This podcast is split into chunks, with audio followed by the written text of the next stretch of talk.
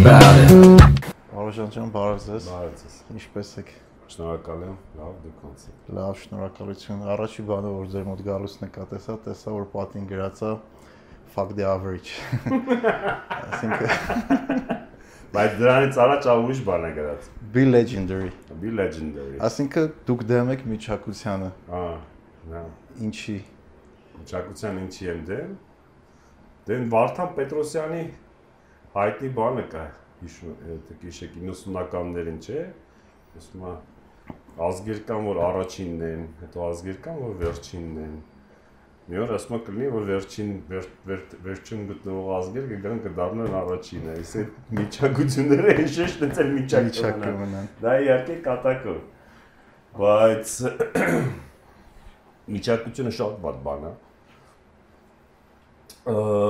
թեև ընդունում եմ նաև մի կողմից, որ թամպես մարդ հարարացը դա միջակ է, էլի։ Բայց թամպես մարդ է։ Ահա։ Նայես բոլորս էլ միջակ ենք, էլ ինչ որ մի բանով։ Բայց եթե չես ձգտում կատարելության, եթե չես ձգտում նորարարության, եթե չես ձգտում բարձունքներ գրավելուն, հա։ Մնում ես միջակ։ Ու այդ փոկվել է, էլի պիտի ապավես, կարևոր է փոկվես միջակությունից, հա, այդ այդ մեջտեղից փոկվես։ Ու ամեն մեկը իր ձևով կարա դա անի, հիմա կարա անի մեկը արվեստում, մյուսը գիտությունում, մյուսը սպորտում, մյուսը, չէ։ Որովհետև այդ այն փոկվողներն են, այդ outlier-ներ կոչվածը, որ այս տանում են մարդկությանը տանում են դեպի Առաջ։ նոր մակարդակ։ Ու կարողանում են ապահովել մարտահրավերացի փոփոխումը որպես Տեսակ։ երկրագնդի վրա ապրող տեսակ այո։ իսկ ընդհանուր զանգվածը միջակ ընդհանրապես։ Հիմա եթե փորձը չանես, այդ չնայես ինտերնետ երկինք, չնայես դիեզերքին, ասես, այ ես ուզում եմ հասնել հասնել աստղերին, դու ես քո համար ինքդ քո համար վատություն չես անում բայց մարդկությունը կորուստ անում։ Հա։ Այսինքն եթե նայում ես ընդհանուր մարդկության շահի տեսանկյունից, այն դա կո- կորում Բայց բայց նույն նույն ժամանակ այն մարդիկ, որ փորձում են հասնել այդ բարձունքներին, շատերը վառվում են, չէ՞, ճանապարհին։ Այսինքն այդ աստղերին տենց է չեն հասնում։ Հա։ Բայց մեկը այդ իրանց վառվելն էլ է օգուտ տալի ընդհանուր հասարակությանը։ Միանշանակ, միանշանակ, գիտեք, մի օր մի ֆիզիկոս գիտնականի հետ է երկար խոսում ժամանակին 2010 թվականի կողմերը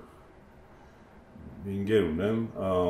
գիտնական էլի Խաչիկ Գևորգյան, չգիտեմ կճանաչեք թե։ Ճիշտ ասած չէ։ Համասարի դասախոս էր, բան, շատ ակտիվ մարդ է։ Ինչևէ, մի կլաբ էր, բան էր ստեղծել, ակումբ էր ստեղծել, կլաբորատորիա, այսպես կոչված։ Անունը լավն է։ Հա, որտեղ հավաքում էինք ու նենց էշեշ դուս էինք տալի, էլի երաշտից հաշվը, բայց շատ լավ ինտելեկտուալ միջավայր էր։ Որտեղ մի ֆիզիկոս գիտնականի հետ էի խոսում, հետ կարևոր բան ասաց, որ ինձ ԱԳ-ին այդ իր ասածը կրթեց։ Խոսում են գիտության ֆինանսավորման, գիտության դերի, հա, միշտ խոսում է այդ թեման, չէ՞։ Պետք է արդյոք ֆինանսավորել գիտությունը, գիտության արժեք խնդիրներ պիտի դնես, թե պիտի չդնես, պիտի առանց հարցնել փոխտաս թե չէ ու իմ ը, մոդեցումն էր որ ինձ խնդիր պիտի դրվի գիտնականի արժև գիտնականը գնա այդ խնդիրը լուծի Ենթադրում եմ շատերի մոտ այդ կարծիք, չգիտեմ, ձեր մոտ ոնց է կարծիքը։ Ես մի քիչ չէ համաձայնվել այդ իդեայի հետ, որովհետև այդ խնդիրը դու չգիտես ինչ խնդիր է։ Ահա։ Ու ուր ես դու գնում։ Այո, ինքը ինձ ապահամոզեց Հա։ ասեմ։ Հա, հա։ Հետաքրքիր է ոնց Հա, հապահամոզես։ որովհետև ինքը ասեց նա է ասեց։ Ու օրինակներով հիմա ես այդ գիտական բաները երևի չեմ հիշի 2010 թվականներ, հա, թե ինչ հայտնագործություն են։ Ասում նա է, ասում եմ, գիտության մեջ, գիտության գիտնականի պիտի չհարցնես ինչի համար է։ Դու պիտի ընդհանրապես ֆինանսավորես պետության խնդիրը։ Եվ ոչ միայն պետության, հասարակության, ասենց ասենք, պետությունը մի քիչ հիմա երևի շատ այնց անհասկանալի նաև Տերմինա։ տերմին կարող է լինել։ Կամ էս հասարակության, հա։ Խնդիրը ֆինանսավորել գիտությունը, որովհետև այդ գիտությունը նրան, ասին գիտնականը սկսում են ինչ-որ բանի վրա աշխատել, ինքը իր մտքերի մեջ դու կյանքում իր մտքի մեջ չես կարող մտնել, այդ գիտական միջավայրում ինքը աշխատում է ստեղծագործում է, ինչ որ կարող է բան ստեղծի, ինչ որ մի հատ ֆորմուլա։ Որը հասկանա այս աշխարհում ընդհանրենք 10 հոգի կամ 100 հոգի այդ ֆորմուլան։ Եվ կարող է տարիներ շարունակ այդ ֆորմուլան չօգտագործվի։ Բայց մի օր, մի գեղեցիկ օր, տասնամյակներ անց կարող է այդ ֆորմուլայով մի հրաշալի product, հա ապրանք ստեղծվի այլ գիտնականների կողմից, որոնք այդ հետազոտությունը օգտագործելով ստեղծեն մեկ այլ product, մեկ այլ ապրանք, մեկ այլ գիտական աշխատանք։ Ու դու երբեք չես կարող իմանալ, որ այն գիտնականը, որը գրել են ֆորմուլան, դա հայտնի չի դառնում։ Հայտնի է դառնում այն, որը ստեղծել է, չէ, օրինակ բջջային հեռախոսական product-ը, այո, դրանք են փառքի դապնիները տանում բայց խնդիրը այստեղ парքի դապնիներ տանելու մասին չի, չնայած հաճելի է, որ նաև парքի դապնիներն էս ունենում, հա, դա մարտարարածը մեղավոր է նաև այդ տեսանկյունից, թեև մեզ տարբեր կրոններ ասում են, որ գիտես, փառասիրության հետևից մի գնա, парքնի, աշտի եւ այլն, բայց մարդավարը դա փառասեր է։ Համաձայն։ Հաճելի է, որ парքի դապներ ունենում ես, բայց իրականում դա շատ հնարավոր է, որ այլ գիտնականի ստեղծագործություն, այսինքն ընդ ձեր վերած օրինակով, որ երբ որ փորձում է ինչ-որ մեկը դուրս գալ այդ միջինից ու հասնել աստքին, բայց չի հասնում, որովհետև իր գիտական աշխատանքը կամ իր ստեղծագործությունը կամ իր քայլը, հա, դա ընդհանրապես ճանապարհի կեսն է միգուցե այդ վերջին մղոնը չի գնում, չամ չի հասնում, նա չի կարողանում, հաջորդն է գալիս շարունակել։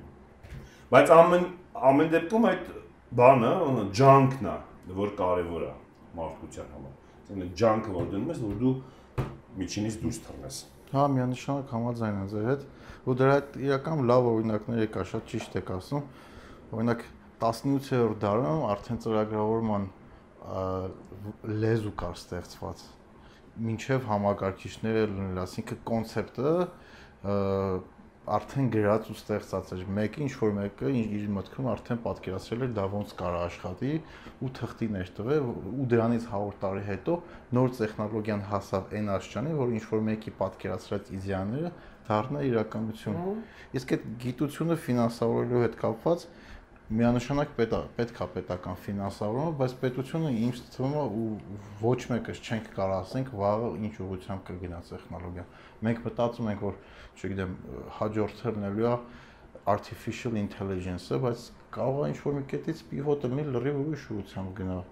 որովհետև երբ որ պետությունը ֆինանսավորում էր իրանց ներքին ցանցերի ստեղծման, Պենտագոնի համար Ամերիկայի օրինակ իրանք չէին պատկերացնում, որ դա ինչ որ մի օր կդառնա ինտերնետ, ու ինտերնետը կհաստի այն աշխանին, ոնց որ հասել է այսօր կամ չգիտեմ Apple-ը որ ստեղծում էր իր սմարթֆոնը ինքը չէր պատկերացնում այդ սմարթֆոնը մի օր պլատֆորմա կդառնա որին վրա կստեղծվի Instagram, Facebook ու մնացած ծրագրերը որոնք առանց այդ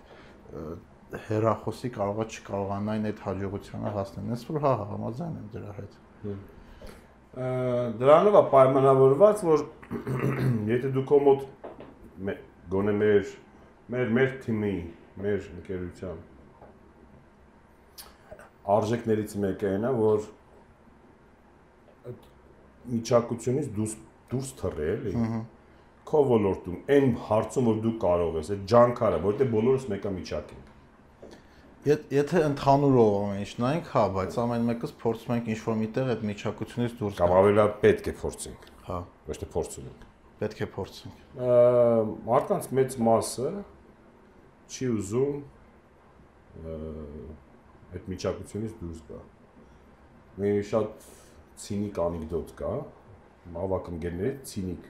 մի ավակ ընկեր ունեմ, անունը չեմ տա, որովհետև շատ հայտնի մարդ է Այս պետք չի։ Բայց ես տանիգոտն եմ պատմել։ Մեկը մի օր պահանում եմ, մի սովորական մարդ։ Մոտավորապես այդ է իմաստը, մի սովորական մարդ։ Ահանում է, շուտ է, չէ, շուտ է մահանում։ Համատաբար գնում է, ուրեմն դրախտում, թե խավարանում, բա դիմավորում են։ Հարցնում եմ, ինչի համար էլի մահացա։ Շուտ էր մահացա, բա ես խնդիրներ ունեի դեռևս կյանքում ո՞րն էր իմ կյանքի իմաստը, ինչի համար ես մոլորակի վրա գտնվում է, բացատրեք հասկանամ, հա։ Ասում եմ, հիշում ես, ասում եմ, մի օր էս ինչ օր էս ինչ ժամին, էս ինչ տեղում, էս ինչ մարդկանց հետ ռեստորանում էր։ Ասում եմ, հա, հիշում եմ։ Հիշում ես, որ կողքի սեղանից մեկը խնդրեց, որ աղամանը փոխանցես։ Ասում եմ, դե չեմ հիշում, բայց ոնց որ, հա, երևի։ Այ քո նպատակը այդ աղամանը փոխանցելն էր։ Շատ ցինիկ անեկդոտ է, էլի։ Բայց մի տեսակ կներվեի։ Հա, մե շատ շատ վատ անեկդոտ է ինքը, իսկական անեկդոտ էլ չի, բայց իրականում դուրը շատ է գալի դա, որովհետև մարդկանց մեծ մասը այդ փորձում են այդ տրիվիալ խնդիրները լուծել։ Հա։ Հիմա դա շատ է ցինիկացված, շատ է ծայրահեղացված, բայց ամփոփված է այն, որ չէ՞ այդ Ռուբեն Հախվերդյանի հայտնի եզը երկի մեջ բառերով, չէ՞։ Եղիր եհես, բանող ես եւ վարիր քո քեզ տրված սևահողը, չէ՞, մինչեւ ուրեմն կգա առավոտը եւ այլն, չէ՞, այդպես երկն է Ռուբեն Հախվերդյանը։ Այսինքն այդ ցույց է տալի, որ մենք բոլորս էլ իրականում բանող եզեր ենք։ Հա, բայց ինչ որ միջ, ինչ որ ամենքս մեր բանի կոմֆորտի մեջ, այ այ այդ ցածկն է, էլի որ պետք է ապահովես։ Համաձայն եմ ու այդ մասով Steve Jobs-ն էլ լավ խոսքեր ուներ իր ինտերվյուներից մեկը օրնանում, ասում է, հա, այդ անը շատ լավ է որ դու տենց ընտանիք ես կազմում երեխա ես ունենում, մեքենա ես առնում ու տենց ապրում ես քո կյանքը շատ սովորական, բայց այդ դրանով կարա չսահմանափակվել, ասում եմ, երբ որ դու հասկանում ես, որ այն մարդիկ, որ սա այդ կյանքը քո շուրջը որ ստեղծել են այդ կամ ֆիրմաները, իդեաները, տեխնիկան քեզնից կարելի ասել շատ ավելի լավը չեն, դու հասկանում ես, որ դու էլ կարաս ինչ-որ մի բան անես։ Դու էլ կարաս գնաս, փորձես ինչ-որ մի բան ստեղծես։ Այդ օրինակ Outlier-ը, որ օրինակ վերեցիք, այդ Malcolm Gladwell-ն է, չէ՞, այդ վերնագով շատ լավ գիրք ունի։ Այդ գրքի մեջ ինքը հենց դրա իդեայի մասին է խոսում։ Ինչ-որ մի բան հասնելու համար դու պետք է լինես բավարար խելացի։ Իսկ բավարար խելացին իսկ մարդկանց մեծամասնությունը մնացած արդեն պետքա քեզնից շատ բան է կախված։ Ճիշտ է, արտաքին ուժերից, արտաքին միջավայրից էլ լիքը բաներ կախված է, բայց եթե դու չուզենաս այդ քայլը անես, այդ լիփ անես, քայլանելու տեսակել չելենջը։ Այդ թռիչքը անես, չի լինի առանց դրա։ Ու այն մարդիկ, որ այդ թռիչքը անում են, իրոք ճիշտ նշած, իրանք է առաջ են տանում մեզ բոլորիս ամեն մեկս ինչ որ մի բան անելով, կուտակելով ինչ որ արժեքներ ենք ստեղծում, որը ընդհանուրի համար նորություններ ու նոր արժեքներ ա վերում։ Իսկ ձեր կարծիքով մարդկանց մասին խոսեցինք այսօր սահմանադրությունն էի նայում, երևի մտածեք, այնքան պարապ եմ մնացել, սահմանադրությունն է կարծում։ Դա սահմանադրության մեջ նշված է, որ մարդը գերագույն արժեքն է ու մենակ մենակ մեր մոտ չհամարյա բոլոր զարգացած երկրներում, ժողովրդական երկրներում այդ այդ գաղափարը դրած է որ գերագույն արժեքը մարդն է բայց պատմությունը որ նայում ես միշտ չի տենց եղել այդ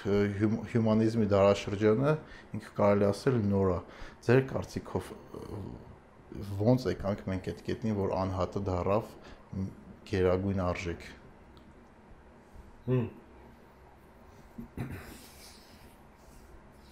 Ես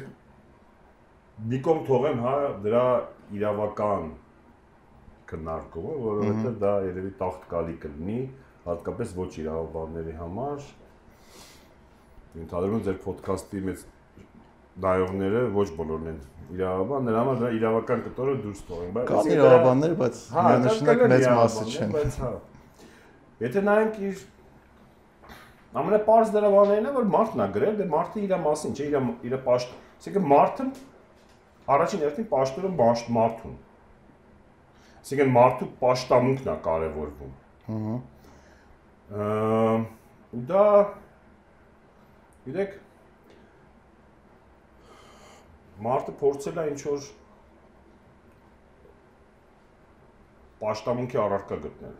որովհետև իրականում մարդը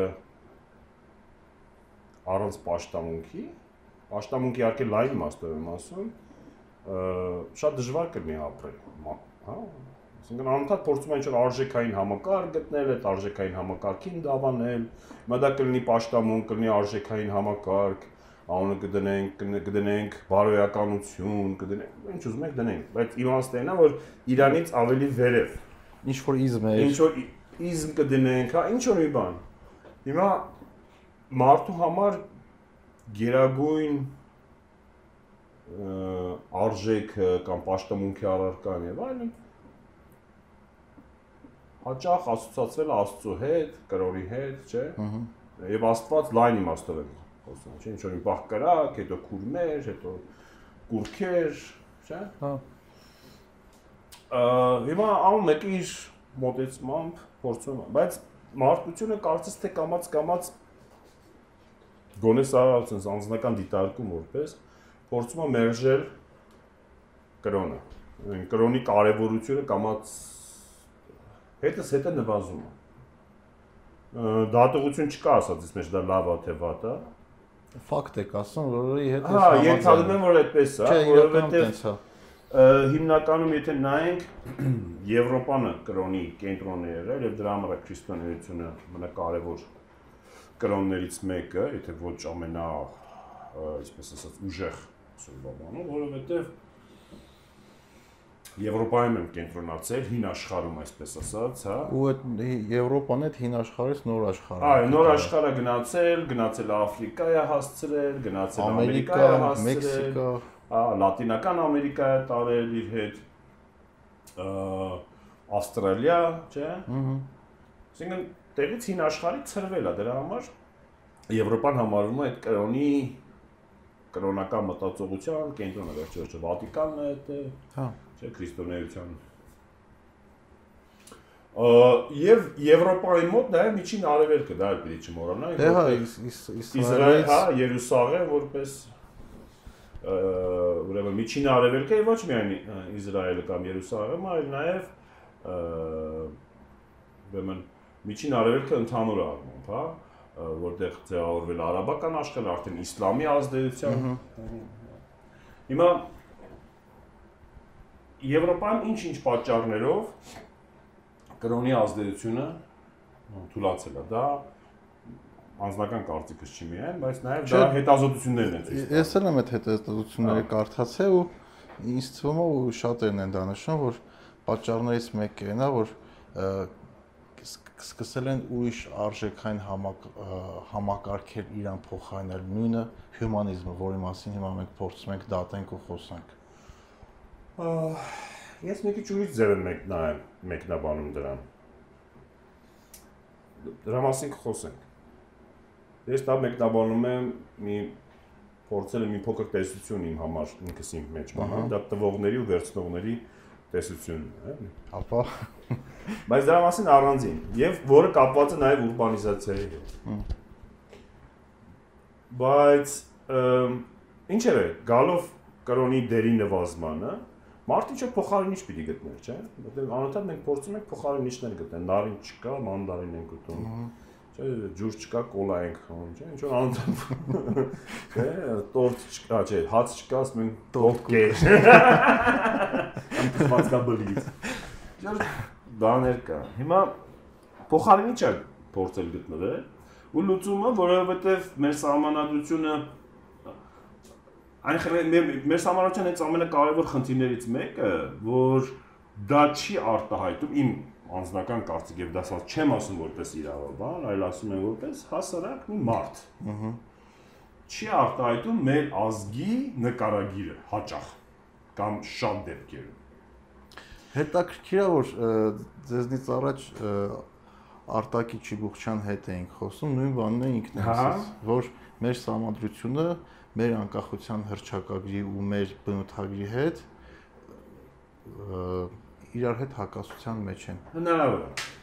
Բայց դրա կարծում եմ պայմանավորված է նրանով, որ թեև դա լավ էր, բայց ինչ որ առումները, որտեվ աղագին կրթվեցին, աղագին սովորեցին, հիմա երեք աղագին նմդվում ենք, ասում ենք վայ Հայաստանը չզարգացած չէ, մենք անկիրք ենք, մենք էս ենք, մեր օրենքներ։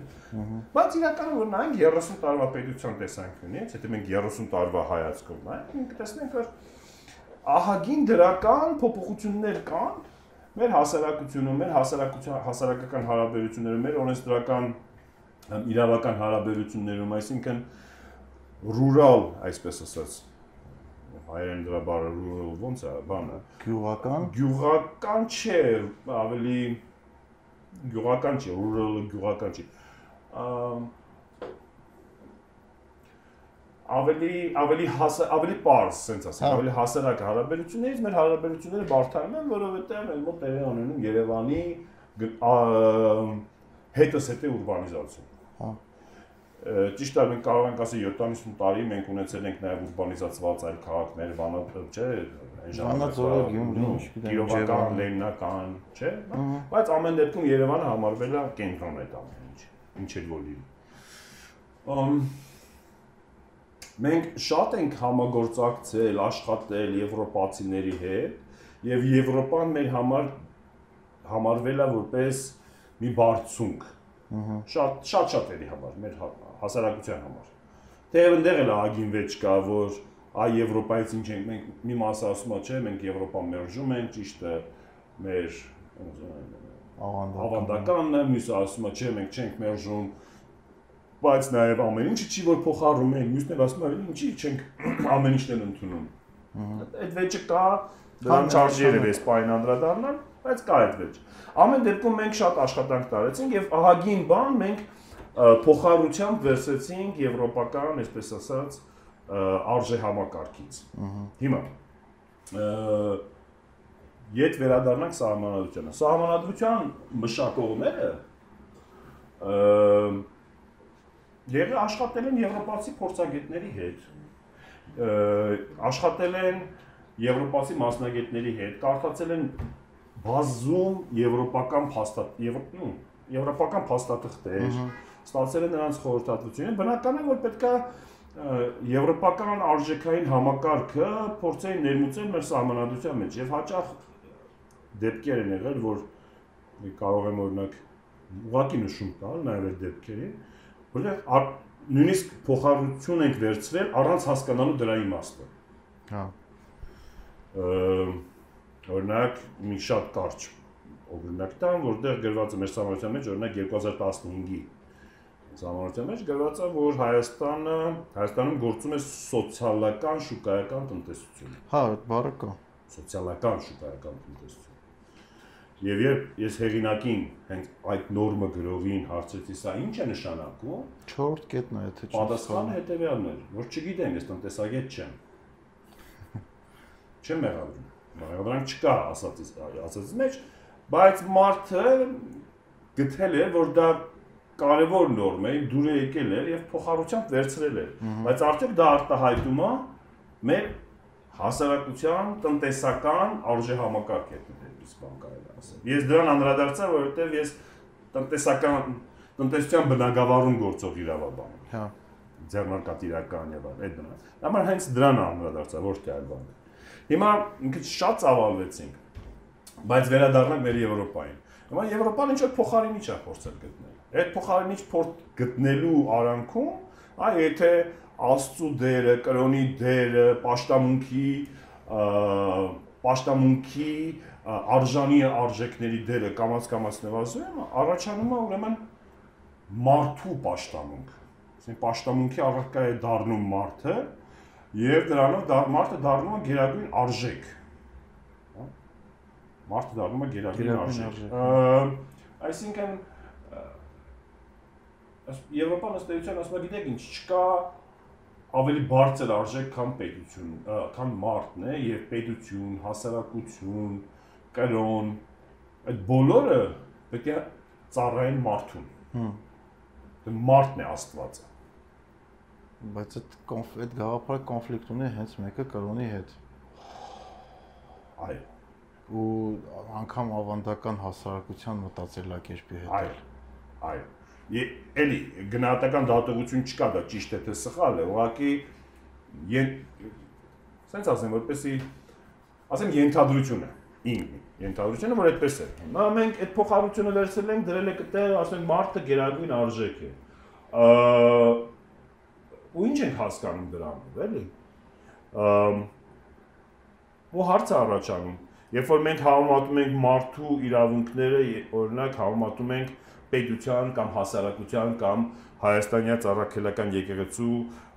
ուրեմն իրավունքների հետ։ Մենք որպես հասարակություն պատրաստ ենք օրինակ մեր գյուղի իրավունքները, գյուղական համայնքի, մեր ցեղի, մեր ցեղախմբի, ինչպես մեր ընտանիքի իրավունքները նույն նժարի վրա դնենք, հավաս եւ հավասարության նշան դնելով, ուրեմն մեկ այլ մարդու, ընդհանրապես մարդու քաղաքացու իրավունքների հետ։ Դե իրականության մեջ որ նայենք շատ մարդիկ հենց Հայաստանում իր օրինակի եթե վերցնենք իրանց որոշ իրավունքներ սահմանափակում են ընտանիքի կամ ցեղի ընդհանուր շահի համար։ Հա, հա։ Օրինակ վերջին երկու տարիներին հայտարարվել է, չէ, որ կոռուպցիայի դեմ պայքար։ Հա։ Ամ Արմկոմեդիայի տղաները, հա, Սերգեյ ու Նարեկը շատ լավ հետ էպիզոդ ունեն կոռուպցիայի դեմ պայքարի։ Տարիներ առաջ նկարված։ Ու շատ տպավորիչ է, ասում է Դե ասում է կոռուպցիա եմ ես անում, ասում է որովհետև կոռուպցիան զբաղվում, որովհետև օջախ եմ պահում։ Տուն եմ պահում։ հա։ Տուն եմ պահում։ Այսինքն ինքը շատ շատ վառ է արտացոլում այդ արժեքը երեխուն լավ պահելու։ Հա։ Ասում քանի որ ես չեմ կարողանում այլ կերպ լավ պահել իմ երեխուն։ Մեկը բիզնես է դնում, փորձում է լավ պահի, հա, կամ նաև հակառակը, բիզնես ես դնում, բայց կոռուպցիա ես անում, որպեսզի կարողանա բիզնեսը լավ գնա, որ էլի քո երեխուն պահի։ Այսինքն երեխուն լավ պահելը հիմնավորվում է կոռուպցիայով զբաղվելու հետ ու արմկոմիտեի դրվագը շատ լավն է, որ ցույց է տալի ընդհանուր հասարակության զգացումը կոռուպցիայի նկատմամբ։ Հիմա մենք օրինակ այս վերջին 2 տարում, չէ, գոնե կառավարությունը հայտարարել է, որ անհաշտ պայքար է մղում կոռուպցիայի կոռուպցիայի դեմ։ Ասում շատ լավ, օքեյ։ Հրաշալի։ Բայց արդյոք այդ պայքարը բխում է մեր հայ ազգի հա ցանկություններից ու այդ այնքան այնց հարթ հարց է իրականում որոշ մարդիկ կասեն հա որոշ մարդիկ չէ որովհետև օրինակ դրա կոնտր արգումենտն է նա որ դու քո օջախը քո երեխուն լավ պահում ես կոռուպցիայի հաշվին բայց դրա հաշվին ինչ որ մեկի օջախը կամ երեխեն լավ չի ապրում այսինքն դուք քո շահերը ավելի բարձր ես գնահատում ու վեր ես դասում, քան ինչ որ մի ուրիշ ընտանիքի։ Ու եթե մենք բոլորս հավասար ենք, այդ խնդիրը ընդհանուր հասարակության համար։ Հիմա այստեղ հարց առաջանում մոտ։ Մարդը գերագույն արժեք է։ Բայց դրա հետ եթե դու չես սահմանափակում ուրիշների իրավունքները, չէ՞։ Այսինքն եթե դու կոռուպցիայով ես զբաղվում, որը խանգարում է իմ իրավունքներն ու իմ արժանապատվությունը իրականացնելու համար, դու սահմանափակում ես ինձ։ Իմ երջանկություն երջանիկ լինելու, չգիտեմ, ցանկությունները, ձգտումները, որովհետև այդ գումարները, եթե գնար բյուջե կամ եթե դու ինչ չխափեիր, ապրանք ավելի թանկով չծախեր, հազար օրինակ կա կոռուպցիայի ես կարող ավելի լավ ապրեի ու դա բերեր նրան, որ իմ երեխեքը ավելի լավ դպրոցում սովորեին, ավելի լավ մասնագետ դառնային ու ավելի շատ արժեք ստեղծեին հասարակության համար բայց այդտեղ իրական շատ կարևոր հարց բարձրացրեցիք ազգի մենտալիտետի ու կոռուպցիայի մասին։ Այդ այդ հարցի շուրջ քննարկումներ ունեցել ենք։ Օրինակ ինչքանով է ճիշտ, որ դու հարևանդ տենում ես օրենք խախտեց, դու գնաս դրա մասին տեղեկացնես ոստիկանին։ Ինչ ինչ արդյունքներ դա կարող ունենա, ասինքն կարող է երկիրը դառնա ավելի օրինապաշտ, բայց այդ գիծը որ դու հատեցիր, դու արդեն հարևանիդ հետ քո հարաբերությունները առաջվանը չի։ Ու դու եթե հարևանիդ հետ կարողացար այդ քայլը անես, հաջորդ քայլը հարազատի վրա է։ Ասինքն հարազատի հետ արեցիր ու այդտեղ այդ փոքր community-ները, կապերը, հարևան, հարազատ, այդ օրենքի կամ այդ մտածելակերպի զարգացման հետ թուլանում է ու ընդհանուր մենաշնորը կառավարման ու գնում է պետությանը։ Հիմա մենք չափազանց բարդ վիճակում ենք գտնվում իրականում, որովհետև մենք տեսեք, մենք անկախությունից հետո կատաղի ուրբանիզացրել ենք Երևանը։ Հա։ Կատաղի անխնա ուրբանիզացրել ենք Երևանը։ Մոռացության ենք մատնել, կարելի ասել համարյա մոռացության ենք մատնել Երևանից դուրս գտնվող բոլոր աշխարհագրական բնակավայրն ու այլ աշխարհագրական տարածքները օրինակ եթե ասենք դպրոցական երեխաներին, հա, Վանաձորը որտեղ է, կարող է շատ-շատերը, այսպես տարածում եմ ձեզ, որ չկարողանան ասել Վանաձորը Երևանից հյուսիսը թե հարավը։ Հա, որ կամ որ որ մարզում է գտնվում, կամ Վանաձորը ասացի, որովհետև բնիկ Վանաձորից է։ Բայց նույնը կարելի է ասել ընդհանրեն Կապանի մասին, նույնը կարելի ասել ընդհանրեն նոյեմբերյանի մասին եւ այլն։ Այսինքն մենք կատաղի ենք ուրբանիզացիա եւ դրա բերելա որոշակի կանոնների ձևավորման։ Դրա հետ դրան ավելացել է ընդհանրենք մեր այն բառերը անգլերեն բառ օգտագործում հայերենը այս բանը չեմ գտնում legacy, որ ունեցել ենք այդ legacy-ն երկար տարիների legacy-ն է, որ սովետական legacy-ն է եղել դրանից հետո եղել է ընդհանրենք միջին արևելքի կամ այս հա միջին արևելք sense ասեմ, այս կամ անդրկովկասի, հա, այս շրջանաձը շրջանի թուրքերի,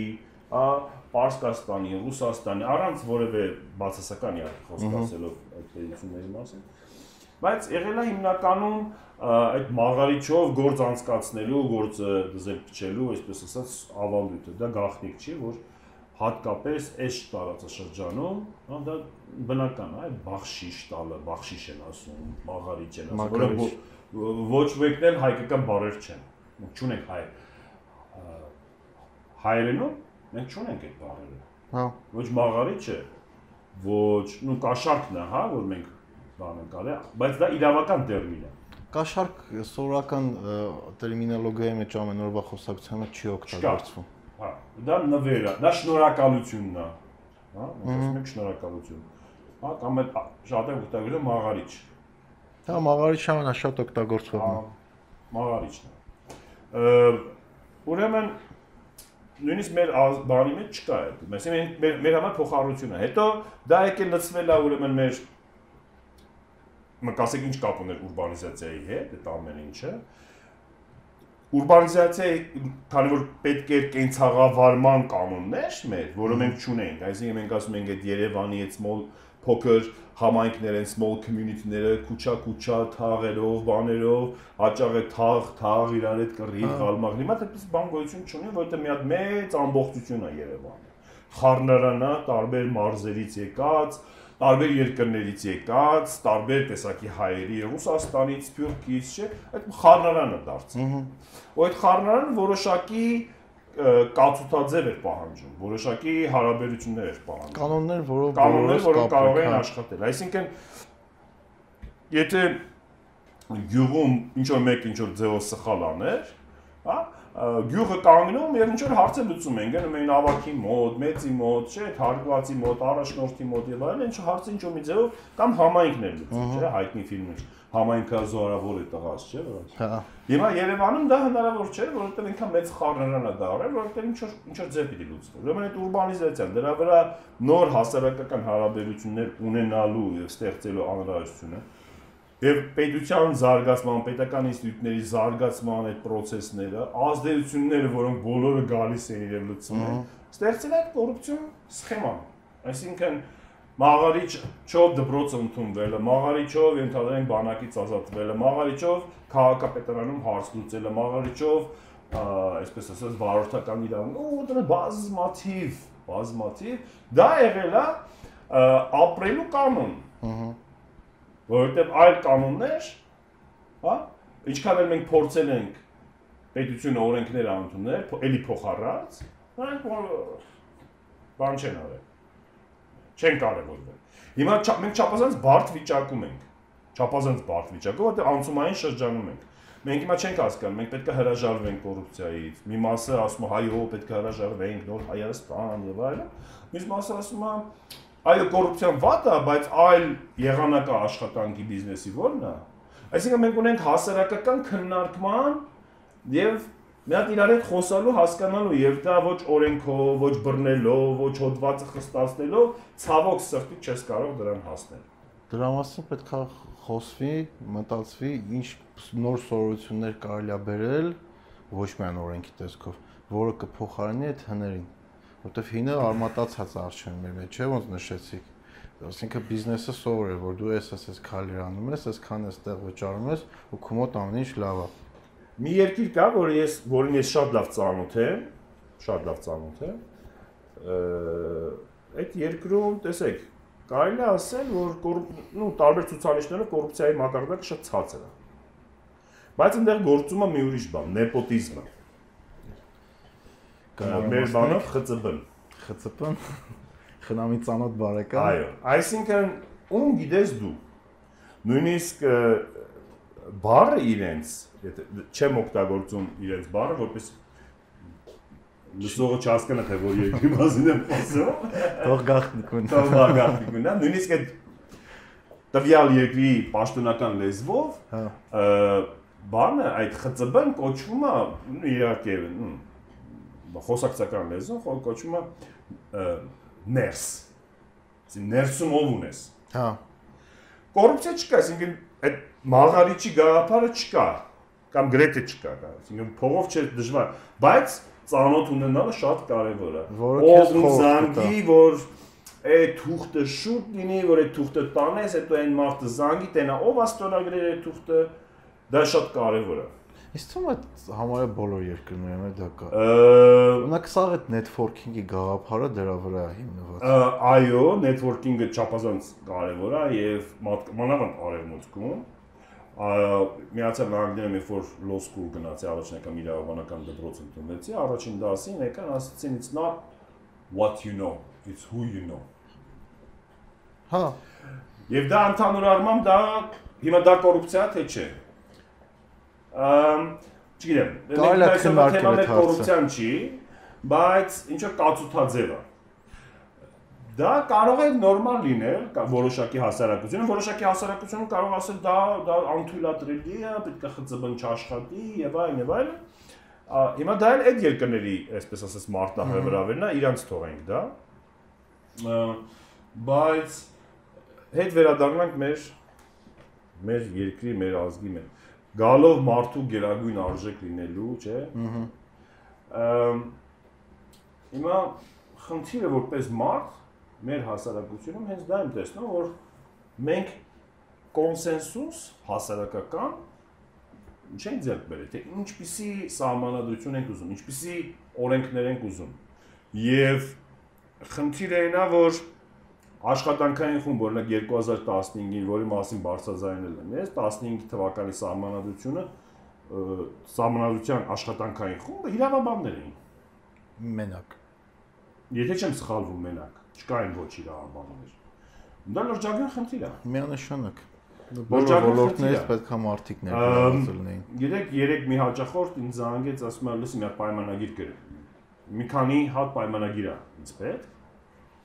ասացի, իսկ ինչպեսի պայմանագիր ես ուզում, ասաց, գիտես, հիմա մենք wholesale-ի մեջ ենք, ուզում ենք մտնել retail-ի մեջ, այս պայմանագրերը էլի խնդրում եմ գրել։ Հա, մեծածախից անցնեն մանրացա։ Հա, մանրացախ եւ այլն, բայց ասի, retail-ի ինչ փիլիսոփայություն, ասում ինչ փիլիսոփայություն, ասում չէ, retail-ը փիլիսոփայություն ունի։ Ասում դե գրի դու պայմանագիր իրավաբանն ես, չէ՞ դու մեր։ Ասում հա, ձեր իրավաբանն եմ, բայց ինձ պետք է հանդիպում ձեր բիզնես թիմի հետ։ Ասում ինչի՞ դա պետք։ Ասում եմ պատմեք, ինչ եք ուզում, ձեր բիզնես թիմը ինչ vision ունի Հա։ Որպեսի ես պայմանագիրը, որտեղ ես պայմանագիրը կարող եմ գրել տարբեր բիզնես մոդելների համար եւ տարբեր բիզնես մոդելների համար տարբեր պայմանագրեր անհրաժեշտ կլինեն։ Առաջնային առաջնայնությունը ում ես տալիս, ինչքանով ես պաշտպանում հաճախորդին, հաճախորդին ինչ հասանելիություն ունի քեզ։ Հարցեր են, որոնք բիզնեսը պիտի որոշի, որից հետո իրավաբանը մասնակցելով այդ քննարկումներին, հա, ձևավորի այդ իրավական կորիզը, կոնսենսուսը։ հա։ Հիմա 15 թվի սահմանադրությունը հեղինակվեց չափազանց իմ կողմից հարգված մասնագետներ, չափազանց մեծ հարգանք ունեմ մարդկանց շատ-շատ էի նկատմամբ Բայց այնուամենայնիվ բոլորը իրավաբան են։ Եվ ոչ միշտ է որ իրավաբանը իրավաբանի պատկերացումները պետության մասին բխում են ազգի պատկերացումներից։ Եվ դրա համար էլ մենք փոխառությամբ վերցրեցինք, հա, եվրոպական չափազանց շատ արժե համակարգեր, որոնք չեմ ասում, դատողություն չկա ասածից մեջ է, լավ են, վատ են, ճիշտ են, սխալ են, չէ, բայց չեն ընդունում, չեն հասկացվում դա։ Հա, ինչի համար է sense, ու մենք տեսանք, օրինակ համար սահմանադրական դատարանի չէ, ասում են սահմանադրական դատարանի ճգնաժամ։ Օրինակ այդպեսի ձևակերպում կա։ Իհարկե հարցի քաղաքական կոմպոնենտը մի կողմ թողենք, մեր այս խոսակցության հետաքրությունների մեջ չի, այլ նայենք իր հասարակության կողմից, Հայաստանի հասարակության կողմից դրա ընդունելությունը։ Իսկ մենք պատկերացնում ենք, որ պիտի ունենանք մի դատարան, որը պետքա, այսպես ասած, սահմանադրական հարցերով իտոկ տա։ Թե պիտի չունենանք։ Որտեղ առաջացավ քննարկումներ, որ մեզ ապետ չի սահմանադրական դատարան։ Ինչն է սա պետք սահման։ Նաև այդ մոդելը կա որ քննարկում։ Այ տարբեր երկրներ չունեն սահմանադրական դատարան։ Կամ տարբեր երկրներում վարչակին դատարանները սահմանադրական դատարանի ֆունկցիան են կատարում։ Չգիտեմ, այդ այդ շատ լավ հարց եք բարձրացնում, օրինակ բան որ Ֆուկույամայի կարծում ինքը հենց Ամերիկայի օրինակն էր վերում, որ ասեց այդ ձեր դեմոկրատիայի մոդելները, այն մոդելները, որ մենք ունենք, երբ որ դուք վերցնում տանում եք, չգիտեմ, Իրան կամ Իրաք կամ նման ուրիշ երկրներ, որոնք ունեն լրիվ ուրիշ բեքգրաունդ, լրիվ ուրիշ ձև արյանց հասարակությունը զարգացել, ուզում եք մտցնեք, միանշանակ դա ձախողվելու է։ Այսինքն Եվրոպ Եվրոպա կլինի, Ամերիկա կլինի, այդ այդ ամեն ինչին որ իրանք հասել են, դրա համար քայլեր են անցել ու իրանց անցած ճանապարհը նույնը չի ինչ որ մեր անցած ճանապարհը ու այդ մոդելները վերցնել այտենց առանց ուսումնասիրություններ կոպիա անել դնել հայկական իրականության մեջ միանշանակ չի ստացվելու եթե երկիրը եթե համանդրական դատարան չունի պետք է հասկանալ ինչ ունի կարող է դա մեր համար չի Հիմա էս էս էս երկիրը այդ շատ են դրա մասին խոսում։ Էս երկիրը սենց արեց, այն երկիրը այնց արեց։ Ա դուք խորացեք խիեն տենց արի։ Ի որտեղից է եկե պատճառները։ Մեր մոտ կարող է լրիվ ուրիշ իրականություն է։ Մոդելը կույր դնել նոր իրավիճակի մեջ, այդ абսուրդ է։ Բանի, տեսեք, փոքր շեղվում, բայց որ հետ եմ ուզում գալ, էլի ժամանակի մի պրոյեկտ ունեի, որը իսատ թողեցի,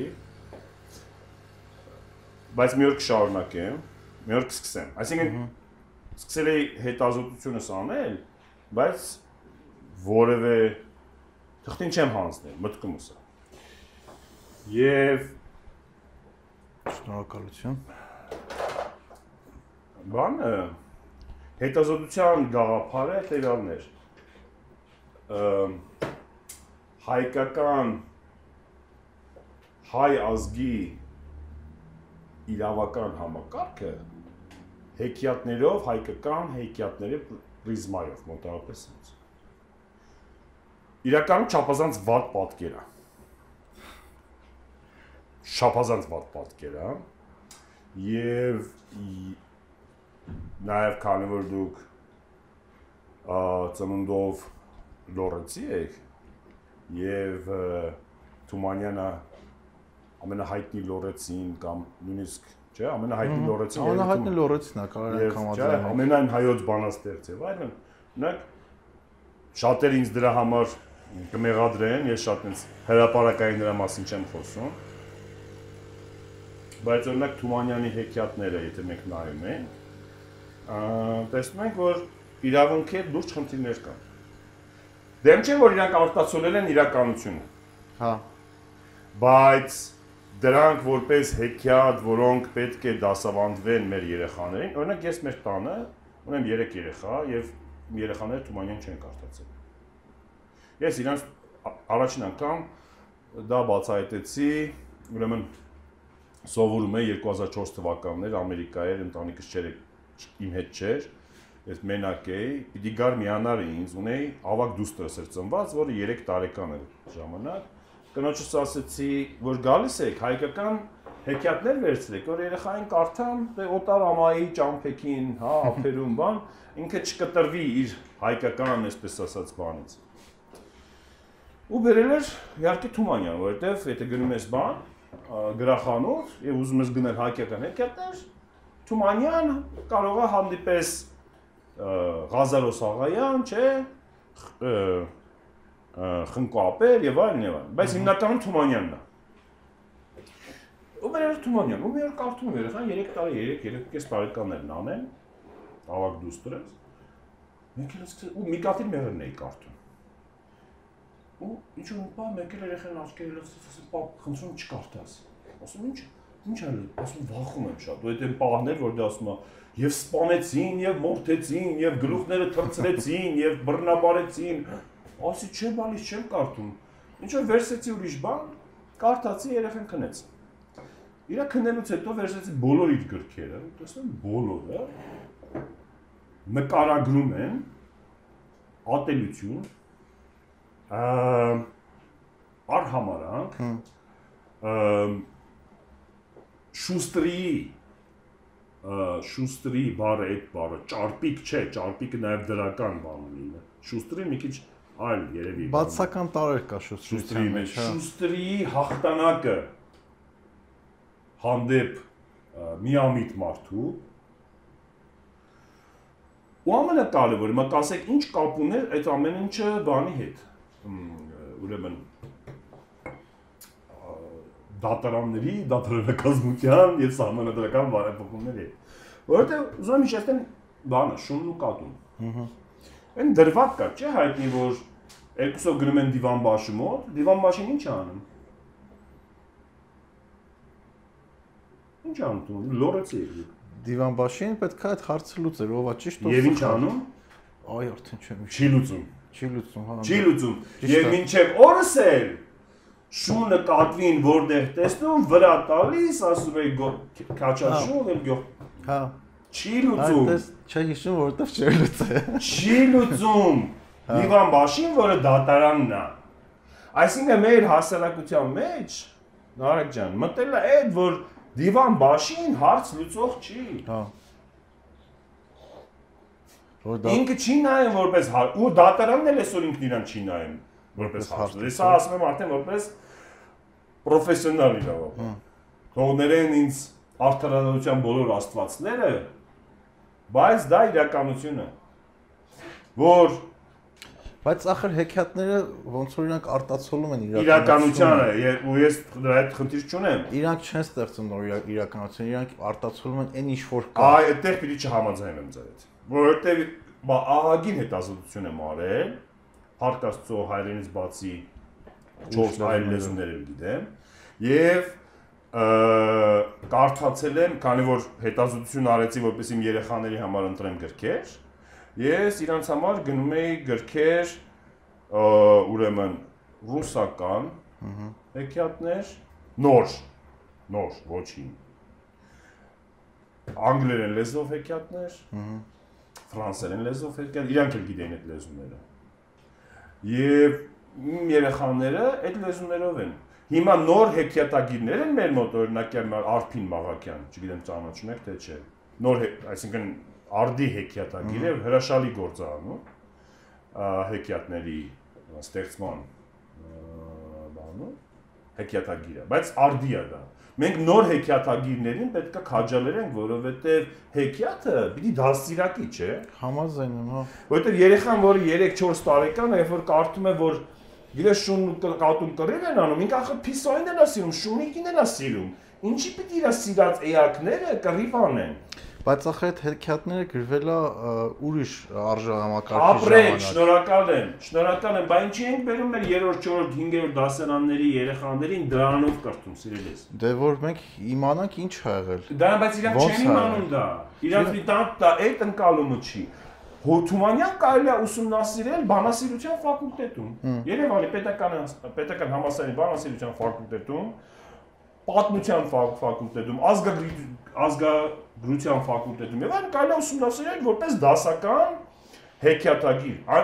Ճիշտ այնպես ինչպես պետք չի կարդալ գրին եղբայրներ երեխաներին։ Հա, էլ է դաժանում, երեխեքին կերակրում ես, որ հետո ուտես։ Միջնադարերի բանի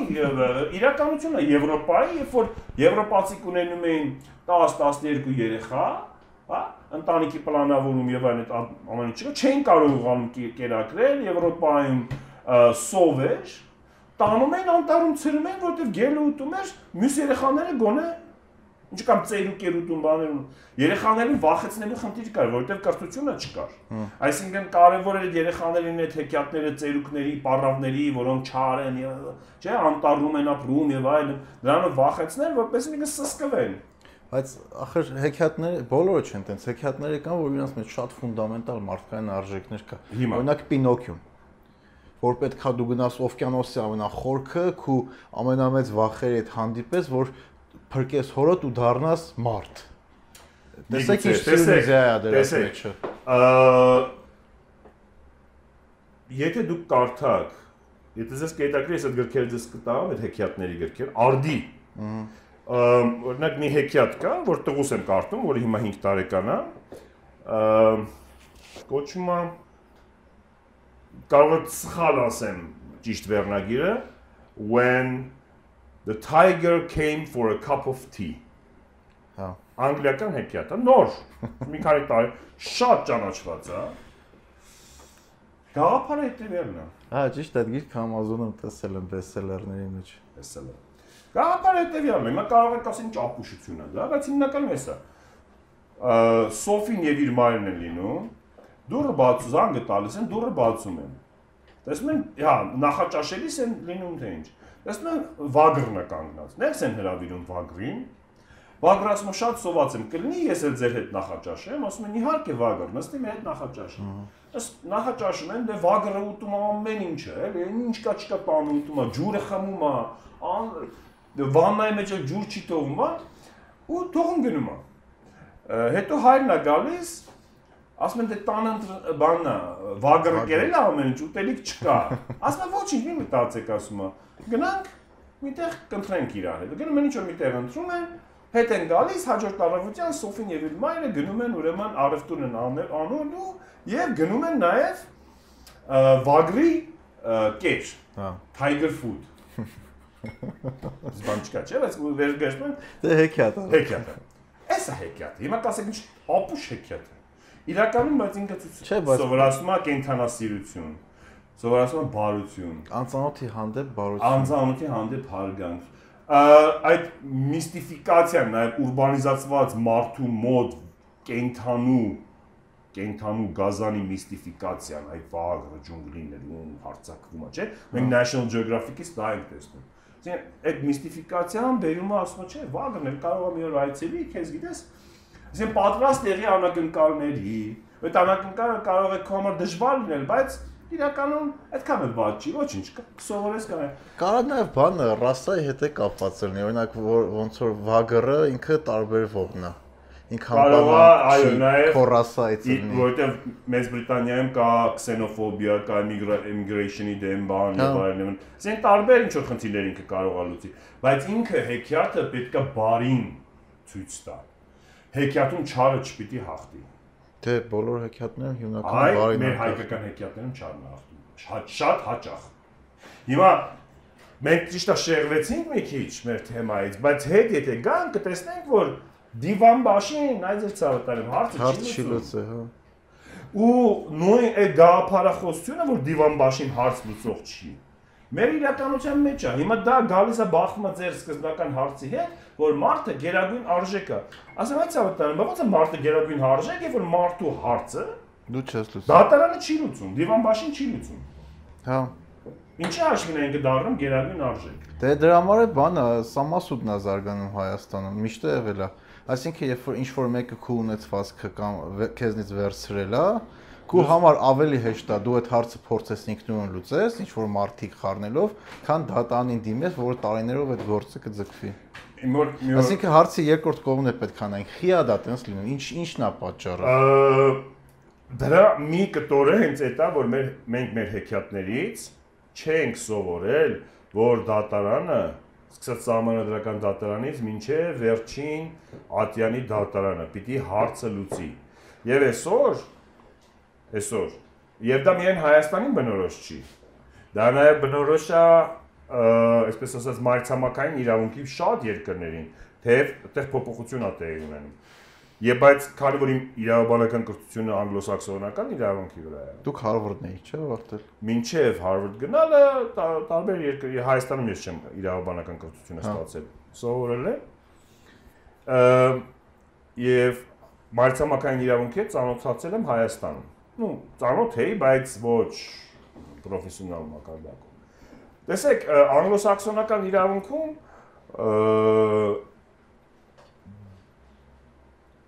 առաջ է եկել այն, որ դատարանը դատարանի խնդիրն է եղել հարցը լուծել։ Ահա։ Եվ դրա համար ինքը կոչում common law, այսինքն ժողովրդի օրենքը, ընդհանուր զանգվածի մարդկանց օրենքը։ Դա ինքը կոչում մարդ, բա, այսինքն նա ինքը չի թողում, որ parlamento նստած մտածի օրենքը ընդունի։ Այո, parlamentaները շատ Ամերիկայի կոնգրեսը ոչ մի երկիր այդքան օրենքներ չի ընդունել, որքան Ամերիկայի կոնգրեսը ծավալային առումով, քանակական առումով, ահռելի ծավալային որ որ դրան գումարը դա ֆեդերալ մակարդակով նայում ենք նահանգային մակարդակով նայում ենք քաղաքային մակարդակով մակարդակով, դուք եք միացել նահանգներում սովորել Հա։ չէ իրանդեղ էլ քաղաքային մակարդակով նույնիսկ օր- օրենքներ այդպիսի ծավալի օրենքներ որևէ երկրում գոյություն չունեն բայց այնուամենայնիվ գործում է common law այսինքն սովորական մարդկանց կողմից սովորական մարդկանց համար ստեղծված օրենքներ, որոնք բխում են սովորական մարդկանց ավանդույթներից, մոտեցումներից ու ճշտից։ Իմ մոտ մի անգամ եկան միջազգային մի կառույցի ներկայացուցիչներ, երբ որ ես պետական պաշտոնյա էի, ասի մեր մոտ ուզում ենք արբիտրաժի իրավաբանը զարգացնել, ինստիտուտը զարգացնել, ինչ խորհուրդ կտակ, ինչ կարծիք եք։ Ասի շատ լավ բան եք անում, այդ չեք հաջողի։ Ասին բախի այստենց վատ դրամ, ասի չէ, ես լավ եմ տրամադրված։ Հավազանց լավ եմ տրամադրված, արբիտրաժը, այսինքն արտադատական վեճերի լուծումը։ Եվ արբիտրաժի միակ տարբերակը չի արտադատական վեճերի լուծման կա հաշտարարությունը, չէ՞։ Գանալ մեխանիզմներ, ուրեմն բանակցային, այսպես է, տրիբունալները, եւ այլն եւ այլն։ Ասի ինչի՞ չի, որտեղ ասի նայեք ասացի, մեր մոտ կա վատ բան, հա, բայց մնացել է սովետից եկած մի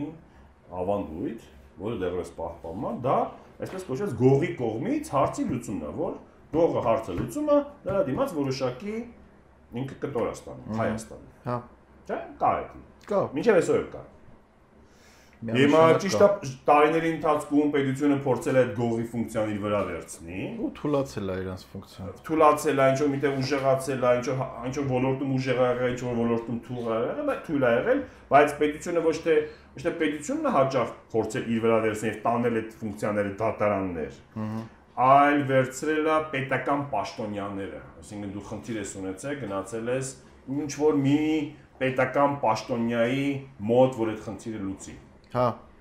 Ինստիտուցիոնալ չի արվել դա։ Հիմա ասում եմ, եթե դուք ուզում եք արբիտրաժը Հայաստանում զարգացնել, որ ես էլ եմ ուզում, դուք պետք է գտնեք գողի հասկանաք գողի process-ները եւ գողի process-ների կապված ծախ, ծախսերը։ Եթե դուք կարողանաք ավելի էժան, նույն process-ը։ նույն եւ ավելի հարմար processual առումով եւ գնային առումով ծառայություններ ստեղծել, ապա մարդիկ կսկսեն գնալ արբիտրաժ եւ ոչ գողի մոտ կամ դատարան։ Դուք պետք է մրցակցեք գողի հետ։ Չէ, շատ լավ իդեա է։ Իրական որ մտածում եմ բիզնես տեսանկյունից է, իրական երկուսն էլ middleman են, չէ։ Հա։ Մեջտեղի մարդն են, որ պետք է հարցը լուծի։ Եթե դու transaction cost-երը այդ գները իջացնում ես, միանշանակ գալու են քո մոտ։ Այսինքն բխի է տարածվել գողի հարց, որտեղ գողը ունեցել է ը,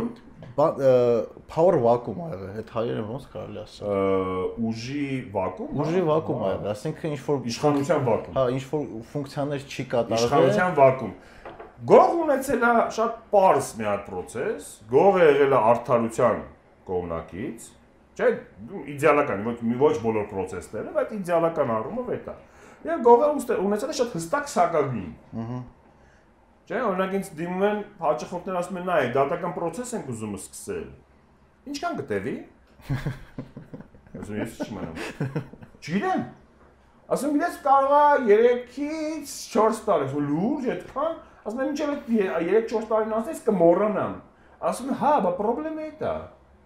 որտեղ այդ ընթացքում փաստաբաններ, իրավաբաններ ինքան միջնորդություններ կանեն, ինքան խնդիրներ կբարձրացնեն, կվիճաբանեն, ման, այն բուն էությունը կմոռանանք, ու վեճեր կան,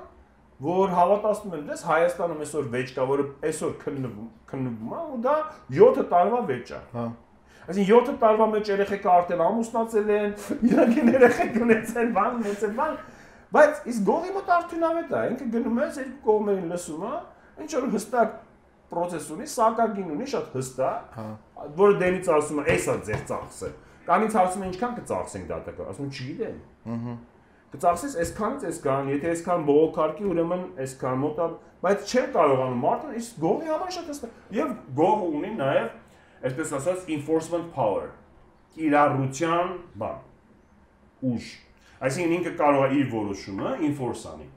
Հա։ Պետությունը դա այսօր չի կարողանում անի։ Եթե դա պետական խնդիր չի։ Հաճախ նույնիսկ պետական խնդիրներով չի կարողանում անի, եթե դա քաղաքական խնդիր չի։ Դե իրականում եթե բան մեխանիզմի առումով նայենք, նայեք գողը իր ֆունկցիաները ինքը լավ գիտի, ինքը գիտի ինչ անելու ու դա ինչ արժանալու է։ Պարզ համակարգ է ստեղծվել։ այդ համակարգը չի կառավարվում մի հոգի կողմից, ինքը դիցենտրալիզացված է, ասենք ամեն տարածքում կարող է լինի իր գողը։ Պետությունը իր վրա վերցրել է շատ-շատ ավելի մեծ ֆունկցիաներ, չէ՞։ Ու այդ ֆունկցիաները ինքը փորձում է կառավարի մի տեղից շատ ֆունկցիաներ ունի, կառավարման մի կետ ունի, դրա համար էֆեկտիվ չի իմ կարծիքով։ Չի ստացվում իր մոտ դա էֆեկտիվ անել։ Ու երբ որ իրանց էֆեկտիվությունը ընկնում է, նրանց պահանջարկը ավելի է բարձրանում։ Այսինքն, եթե մենք ուզում ենք որ գողերի ու նման համակարգերի, որոնք գոյանում են պետական ուժի պակասի խաթեր չմեծանան, չուժեղանան, պետքա պետական կառավարման որակ բարձրանում։ Բայց դա անելու համար պետք է հասկանալ, թե այ ինչն է ճիշտ անում գողը։ Հա։ Ինչն է ճիշտ անում եւ ինչ ոնց է իր ուժը, իր կարողությունը օգտագործում սակագնային քաղաքականություն, որպեսզի կարողանանք մրցակցել եւ գողին հանել։ Հիմա գողը փոխաբերական նաեւ ինչ որտեղ իմաստով, օրինակ ես աֆրիկյան որոշ երկրներում պատիվ եմ ունեցել հնարավորություն աշխատելու խորհրդատվություն մատուցելու տեսել եմ օրինակ հիմա աֆրիկյան որոշ երկրներում շապազանց կարևոր է այսպես կոչված tribal law, ցեղի ցեղային իրավունքը։ Հա։ Եվ ցեղի այդ առաջնորդի ղեկավարի մեծի խոսքը որը մեր մոտ էլ չէ, մոտ է մեծի խոսքը, որը այս այսօր արդեն արժեզրկվում մեծի խոսքը, որ ես հիշում եմ ես դիմացի թաղում եմ ապրել, Էնգելսի փողոց էր կոչվում, դեղական փողոց էր կոչվում, այն ժամանակի Էնգելսի։ Ու սա այնց շատ բավականին խուլիգան թաղ էր։ Հա։ Հետո քանդեցին ժողովրդին Բանգլադեշ, Դավիթաշեն, այս կողմերը ուղարկեցին, Մասիվ, Ավան եւ այլն, ու շատ քիչ մնաց բնակիչներ։ Բայց շատ կարևոր էր մեծի խոսքը։ Այսինքն մեծը գալիս էր, ասում էր չի կարելի բան եւ այլն, հանգստացնում էր եւ այլն Այսինքն ինքը խնդիրներ էր լուծում։ Միտեղ կարող է կոչվում դա tribal, law միտեղ փողոցի այդ իրավունքը, միտեղ չէ, գողի ինստիտուտ, բայց իրականում իշխանություն ունեցողի եւ իրական ոչ թե իրական իշխանություն, այլ իր իշխանությունը, որ ինքն է ձեռք բերել։ Այո, իշխանությունը ոչ թե ոչ ֆորմալ իշխանություն։ Իր ինքը ձեռք է բերել, իրան դա ինչ որ մեկը չի տվել։ Ոչ ֆորմալ իշխանություն։ Հա։ իր կողմից ձեռք բերված, այո, իշխանության բանն է, որը ինքը կարողանում է օգտագործել եւ հասարակության այդ սերվիսը տալ, ծառայությունը տալ։ Այսինքն մենք գրել ենք, որ դատական արդարացությունը իրականացնում են բացառապես դատարանները, այսպեսի նորմ ունենք մեր համանրության գրանց, որը դեռևս 2005 թվականի համանրությունից է գալիս։ Բայց եթե միջին հային հարցնենք կամ սովորական մարդուն հասենք, Այս ի՞նչ է նշանակում արդարացությունն իրականացնում է բացառապես դատարանը։ Մենք բարի պատասխաններ կլսենք։ Դա միանշանակ պատասխան դժվար գտնել։ Հիմա ես կարծում եմ, որ նման ձևակերպումներից պետք է հրաժարվել։ Պետք է ասել, որ դատարանն է, իմ առաջարկը շատ ավելի հիմար կարող է թվալ, բայց շատ ավելի པարզ։ Simple and stupid-ի կողմնակից եմ ասել։ որ պետք է գրենք, որ դատարանը հարց լուծող մարմինն է։ Դենց ավելի հեշտ կհասկանա։ Հենց այդ բառերով հարց լուծող մարմինն է։ Բայց եթե խորանանք ինքը տենց է պետք է լինի։ Հարց է տանը, բայց գրել են չեն գրել հարց լուծող մարմինը։ Գրում ենք արդարացությունն իրականացվում է բացառապես դատարան։ Ու ասում ենք մարդուն ախպեր ի՞նչ է դա։ Հա։ Մենք ասում ենք, որտեղ մարդկանց մեծ մասը, հա,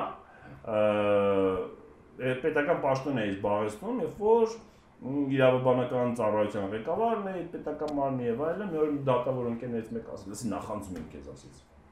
Ասեմ ինչի, ասում դե իրավաբանությամբ ես զբաղվում, ասում ձեռս առում, դատավոր տղա ես բանին։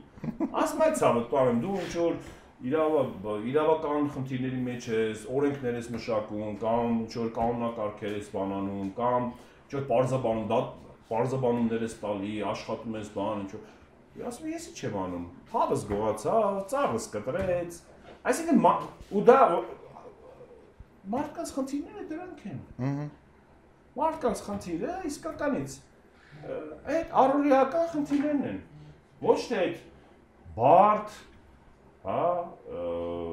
այդ բարդ խնդիրները կան։ Ինչի՞ց է որ պետությունը, կառավարությունը կամ այդ կառավարման մարմինները այդ դեպքում այդքան ոչ པարս ֆորմալ լեզվով են խոսում մարդկանց հետ։ Օրինակ ինձ էլ են ասում, ասում են, «Խես ոդկասթը տենց པարս լեզվով ան, խետ ճիշտ հայերենով չես խոսում»։ Ասում եմ, ես տենց եմ խոսում, որովհետև տենց ինչ հաճելի է ու տենց մարդիկ ինձ ավելի են հասկանում։ Գիտեք, ուրեմն անգլոսաքսոնական բազմաթիվ երկրներում օրենքով ամրագրվել է մի հատ նորմ, որը կոչվում է simple English law, բանը, կանոնը, simple English rule։ Պարս անգլերենի օրենք։ Տեսեք, իրավական լեզուն, օրենքի լեզուն, իրավական կա այսպես կոչվել legalish գաղափարը, որովհետև legal English, որը սովորական մարդը կարդա, ոչ մի բան չի հասկանում։ Կարդում եմ, չեմ հասկանում Բացարձակապես բան չի։ Հագին լավ գիտեմ, էլի անգլերեն։ Ու դա նորմալ է, որ չհասկանաս, որում անգլերեն հասկացողներ, այնիշ անգլերեն native English speaker-ներ կարող է կատարել, բացարձակապես բան չհասկանա կամ շատ աղոտ հասկանա ինչա կատարվում։ Դա մեխ դա բան է, ասենց ասեմ, դա հնարք է եղել իրավաբանների կողմից եւ ոչ միայն իրավաբանների, այլ նաեւ ինտելեկտուալ մարդկանց կողմից։ Դա ես կոչում եմ դա կրթության բռնապետությունը կամ բռնապետությունը կրթությունը։ Ինտելեկտուալ մասա մարդկանց, ինտելեկտուալ հատվածը, որպեսի դուրս մղեն մյուսներին, օգտագործել են բարդ լեզու։ Հա Մենք էլ ենք ունեցել, չէ՞, մենք ունեցել ենք գրափարի եւ աշխարհաբարի պայքարը, որը շատ աղոտ այսօր էլ կա։ Եվ այդ առումով Արևելյան Հայաստանը հաղթանակ կատարել, որովհետեւ այն իմ կարծիքով մեր պետական այրերը այն ժամանակ ասել են մեր ուղղագրությունը պետքա པարզ լինի կամ պետական այրերը թե գիտնականները մտածող մարդիկ ասել մեր ուղղագրությունը པարզ պետքա լինի մեր լեզվամտածողությունը པարզ պետքա լինի պետք է մենք բարեր փոխարենք այլ լեզուներից եւ այլն։ Իսկ արևմտահայերենը այդ ճանապարհով չի գնացել։ Դրա համար արևմտահայերենը հայտնվել է մեռնող լեզուների շարքում։ Ինքը օֆիցիալ լեզու է, եթե գնաք ՄԱԿ-ի ցանկը նայեք, արևմտյան հա։ Western Armenia, բայց ինքը գնում է մեռնող լեզուների։ Հա մակերի մեջ անգամ կլավիատուրա կա Western Armenia։ Պետականություն չկա այդ, բայց արևելահայերենը զարգացել Ու մենք էլ ենք ունեցել այդ պայքարը։ Ռուսերենի այ բուբենի մեջ է 100 տարվա առաջվա այ բուբենի մեջ տարեր կային, որը լրիվ անիմաստ էին, բայց ցույց էին տալի դու ինչքան կրթված ես, քանի որ այդ տարերը կարող ճիշտ օգտագործել։ Կրթության ոլորտի բռնապետություն, այսինքն որտեղ փագել են սահմաններ եւ չեն թողել որ մարդիկ դրա համար ինքը կրթությունը ինքը ինքը ժողովրդավարության կարևոր գործոն է կրթությունը, բայց նաև ինքն իր մեջ էլ պետք է ժողովրդավար լինի, որպես ինքն իրան տարածի։ Հիմա դա ուրիշ թեմա է, հա, բայց եթե վերադառնանք խնդրին, ինչ են արել, վերցրել են փագել է, որպեսի այլ մարդիկ չմտնեն իրավունքի ոլորտ, որտեղ դա համարվել է փակ, նույն այսօր Եվրոպայում բազմաթիվ երկրներ կան, օրինակ համար երկրների անունները չտան, բայց կան երկրներ, որտեղ նոտար դառնալ չես կարող։ Եթե քո հայրը նոտար չէր։ Այսինքն մենակ դա կարաս ժառանգությամբ ստանաս այդ պաշտոնը։ Որևէ տեղ գրված չի դա։ Հմ։ Բայց այդպես է։ Այդպես է։ Հայրը, հոր եղբայրը եւ այլն։ Ընտանիքի ինչ որ անդամ։ Ընտանիքի շատ հարազատ անդամ։ Սինենք ժառանգական ու դա հարյուրավոր տարիներ այդպես է գալիս։ Մեր մոտ էլ է տենց։ Օֆիցիալ չէ, բայց կարելի ասել որ տենց է։ Ահա, չէ, տենց է։ Հիմա բայց բան ինչ են արել եւ ու անգլոսաքսոնական տարբեր երկրներ ինչ են արել, ասել են նայեք, ասել են։ Էհերիկենա բոլորը մարդիկ չեն հասկանում ձեր օրենքները։ Այն ինչ որ գրելու եք, պետք է པարզ անգլերենի կանոնը կիրառեք ու մերժվում են բոլոր այն հաստատիղները, որոնք པարզ անգլերենի կանոնով գրած չեն։ Հա։ Այսինքն այդ հարցը փորձել են ուրիշ լուծել ու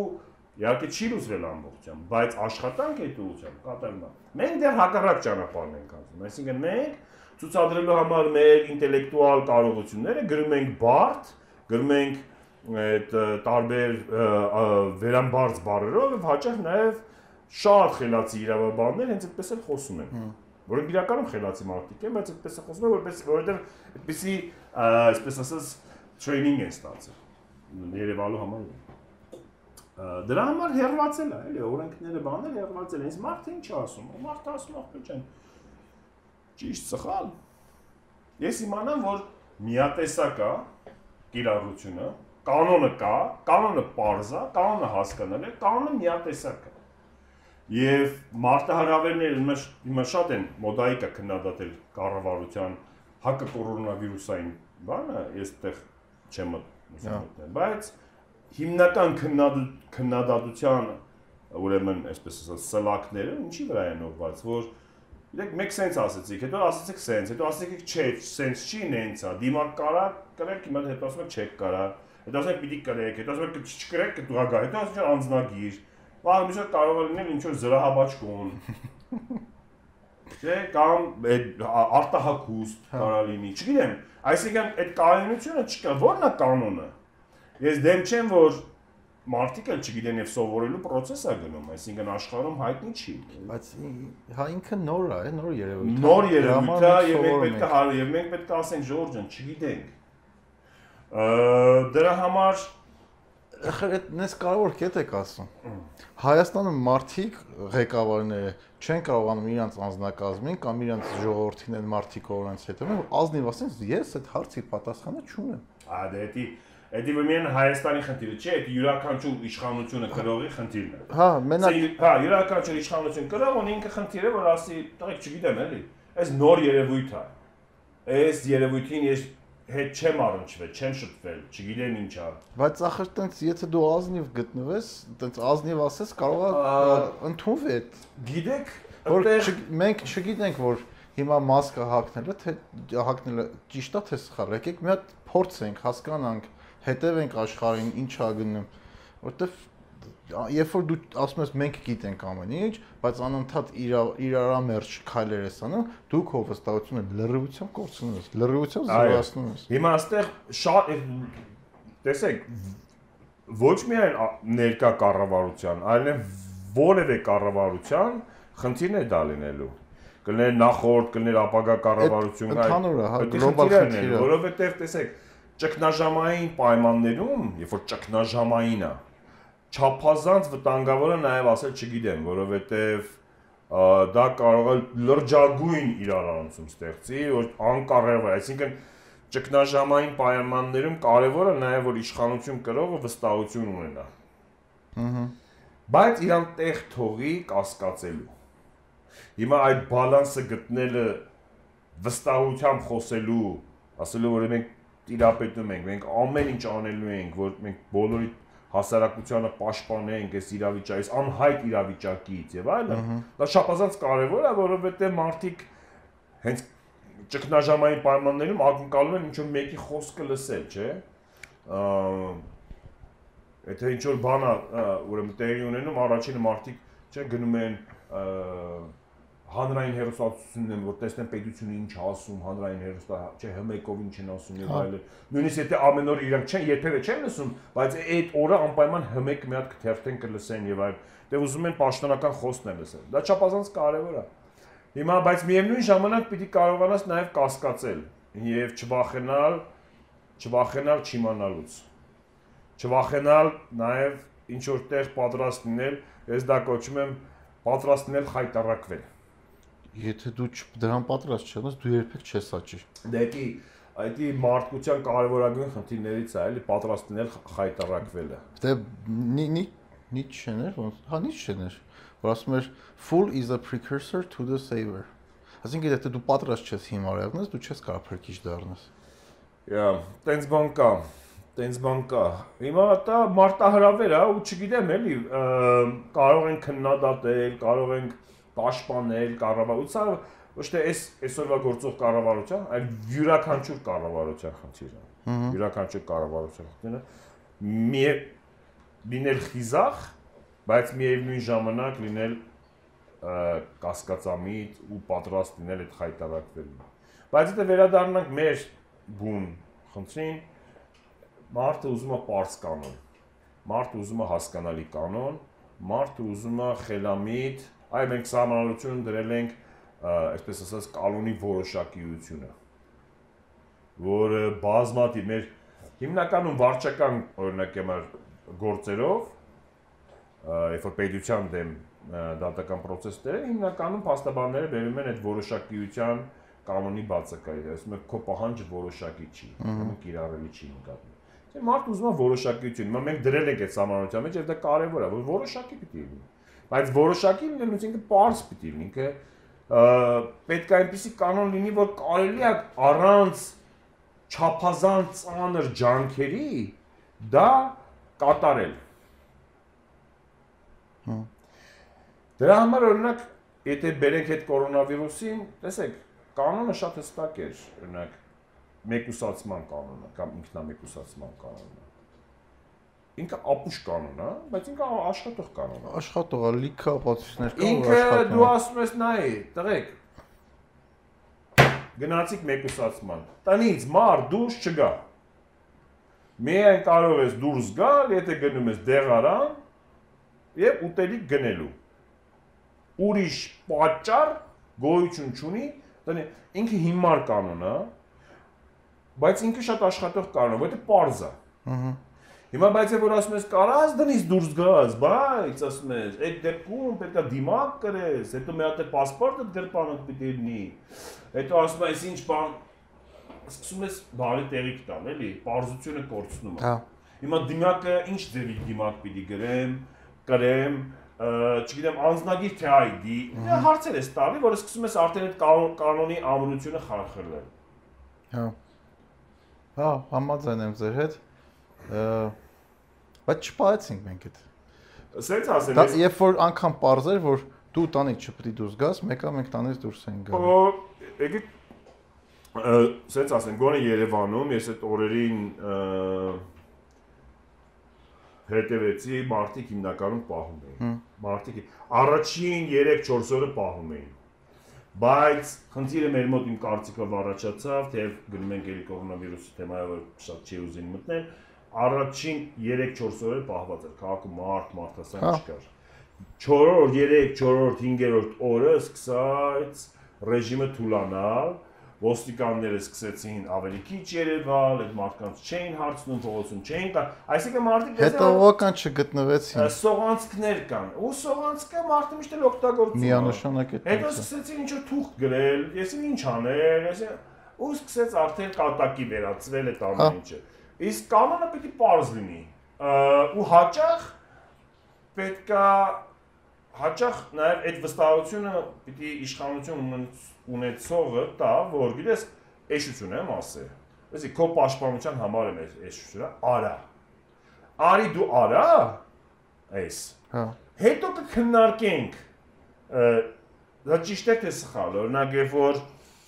արտակարգ դրություն հայտարարվեց առաջին անգամ, ինձ հերոսա հերոսա տեսային հաղորդումներից մեկը արտասորիցի հրավիրեց ու ասեց, գիտեք, ասեց, բա տարբեր իրավաբաններ ասում են այս արտակարգ դրությունը հակասահմանադրական է։ Ձեր կարծիքը ասեց։ Ասի գիտեք ինչ, ես ավելորդ եմ համարում դա քննարկելը, որպես իրավաբան, որովհետև sense մի կանոն եմ ես սովորել ժամանակին։ Տարիներ առաջ 2000-ականների սկզբին կառավարությունը մի օրենք էր քննարկվում հրշեջ հրշեջների մասին օրենք էր։ Հիմա վերնագիրը չեմ հիշի, բայց հրշեջների մասին, հրշեջների իրավունքներ, բան, հրշեջ ծառայություն։ Որ ասում է կանոն էր գրված, ասում էր եթե հրդեհ կա, հրժեջը իր կացինով բանով գալիս է, ինչ տեսնում է ջարդում, փշրում, բան անում, ինքը ամեն ինչ անում է որպեսի կրակը հանգցնի, ձեր կյանքը։ Հետո ասում է, եթե ինքը սխալ է եղել, չգիտեմ, ոչ իրավաչափ է եղել, սահմանազանցել է եւ այլն եւ այլն, ախր գնա պետությանը դատի դուր։ Պետությանը դատի դուր, եթե տեսնում ենք, որ ինքը սխալ է եւ այլն, հա վնասների հատուցում կպահանջես, կստանաս, դա ուրիշ թեմա է։ Բայց ասում է, այդ ընթացքում, որ իր տապորը գրկած գալիս է շելանգով բանով, ջարդում փշրում դու մի կայնի դեմ ասի, իսկ դուք ինչ իրավունք ունեք, չէ։ Հա։ Որովհետև այստեղ արդեն հասարակության պաշտպանության խնդիր է առաջանում։ Հետո բազարդ կանենք ասում։ Ու ասեցի, այս օրինակը բերեցի, ասի նայեք, ասի, նույնը այստեղ բանը։ Հիմա որ արտակարգ դրությունը պետք է հայտարարվեր, անունը կարանք դնենք արտակարգ դրություն, որոշ իրավաբաններ ասում են դա արտակարգ դրություն չէ, ուրիշ տերմին կա, հիմա այս բանը միտքս չի գալիս, հա։ Կարող են ուրիշ անուն կարող են դնել, ուրիշ ռեժիմ կարող են միգուցե հայտարարել, բան դա էական չի բանը, որովհետև խնդիրը կար հասարակությանը պաշտպանելու խնդիրը։ Հիմա եթե ինձ հարցնեք արտակարգ դրությունը Հայաստանում ինքը օրինականություն, ես միանշանակ կասեմ անօրինական է։ Հա։ Այս պահին ինքը անօրինական է։ Այս պահին ինքը որևէ իմաստ ես դրա մեջ չեմ տեսնում։ Մարտին երբ հայտարարվեց, ընդ որում ուշացմամբ հայտարարվեց, բայց ես ասում եմ, որ սա շապազած կարևոր է։ Էական չի, սահմանադրական, սահմանադրական չի, կգնանք հետո սահմանադրությունը կվիճարկենք դրա, կհասկանանք օրինականը թե օրինական չի։ Հետո կհաս։ Հիմա եկեք չքննարկենք, էլի։ Մարտիկ բան են որոշե, եկեք հլու հնազանդ, հա, այս մի ամիսը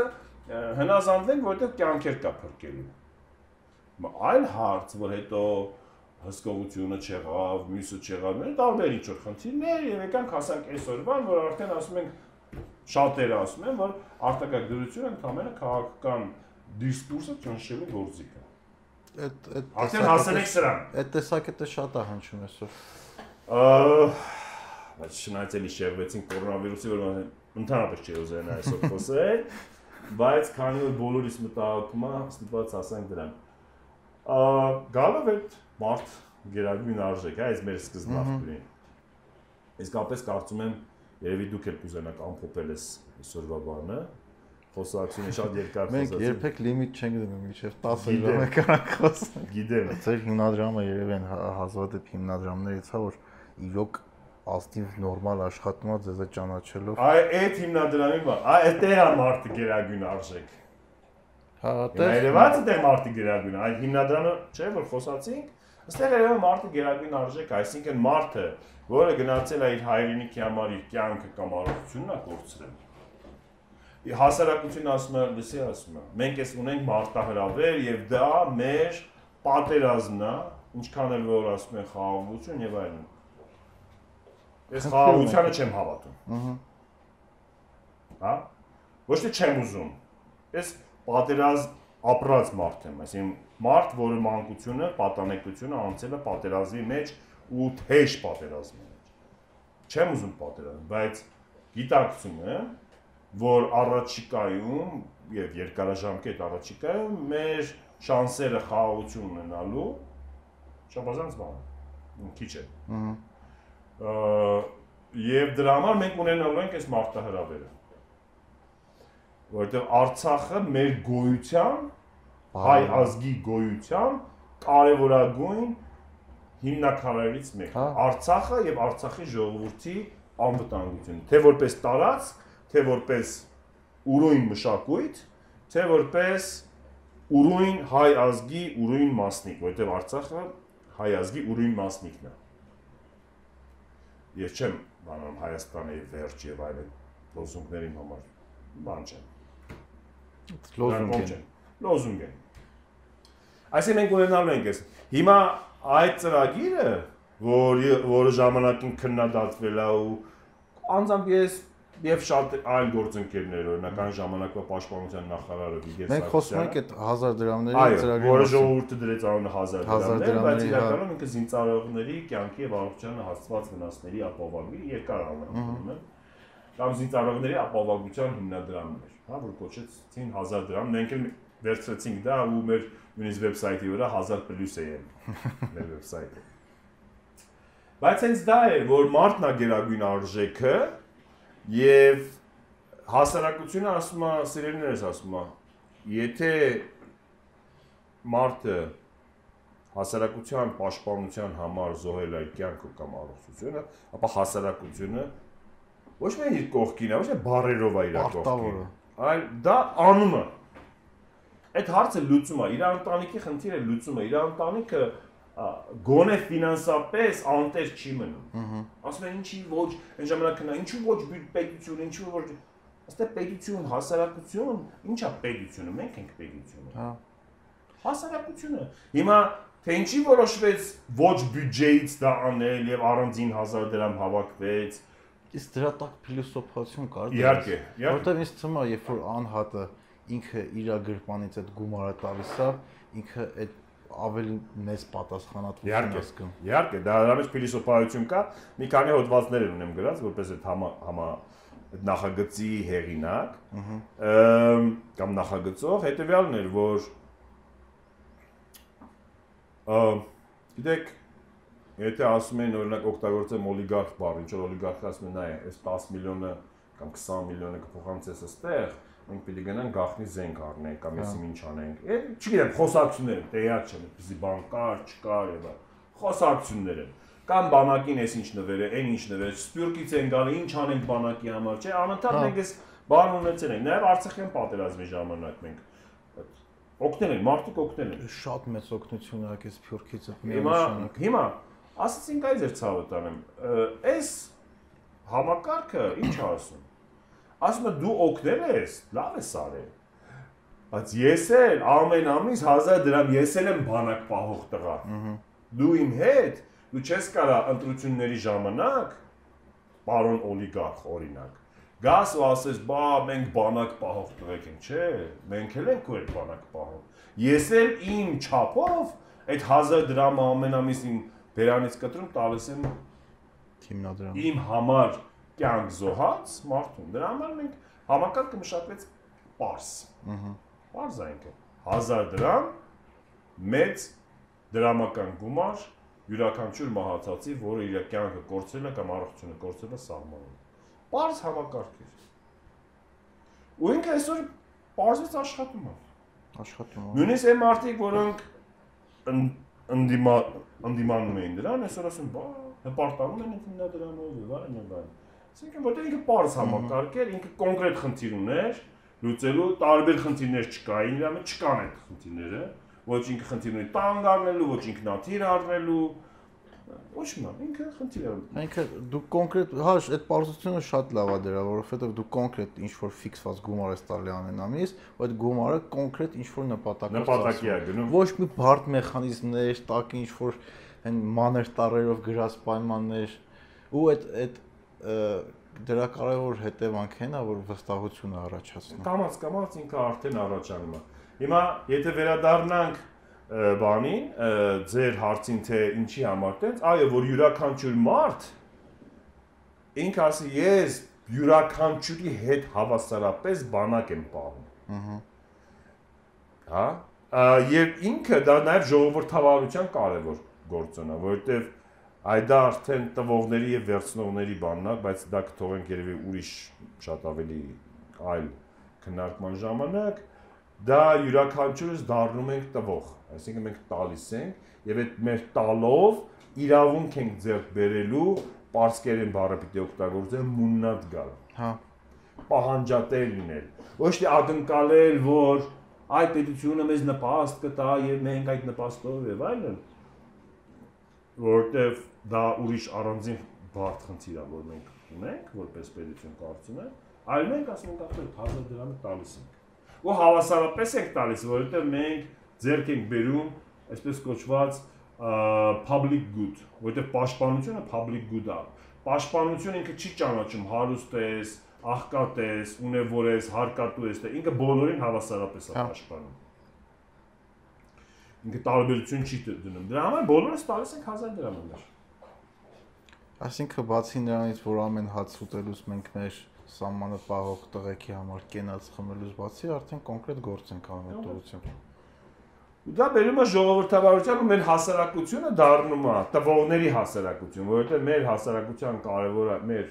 հասարակության կարևորագույն խնդիրներից մարտահրավերներից մեկը, բայց դա առանձին խոսակ թեմա է ու երկար թեմա է, դա վերցնողների հասարակությունը։ Մենք վերցնողների հասարակություն։ Մեր մոտ կա 100, մոտ 130 հազար նպաստառու ընտանիք։ Դա նայն տնտեսություն։ Շատ շատ է։ Որ որը որը մոտավորապես, մոտավորապես 600 հազարը։ Այն դեպքում, երբ որ մենք ունենք 500 հազար աշխատող։ Հա։ Հա։ Դա դա չափազանց շատ, այսինքն պետությունից այդ նպաստացող մարդիկ են որոնց մեծ մասը ինչքան էլ տարբեր կառավարություններ, թե ներկա կառավարությունը, թե անցյալի կառավարությունը ասում են, «Ա, այնտեղ կա կոռուպցիա, այնտեղ կա միջոցների վատնում»։ Հա, կա, հա։ բայց զգալի չի։ Զգալի չի։ Հիմնական մասը իսկապես նպաստի նպաստանալու, այսպես ասած, իրական իրավունք ունեցող մարդիկ են։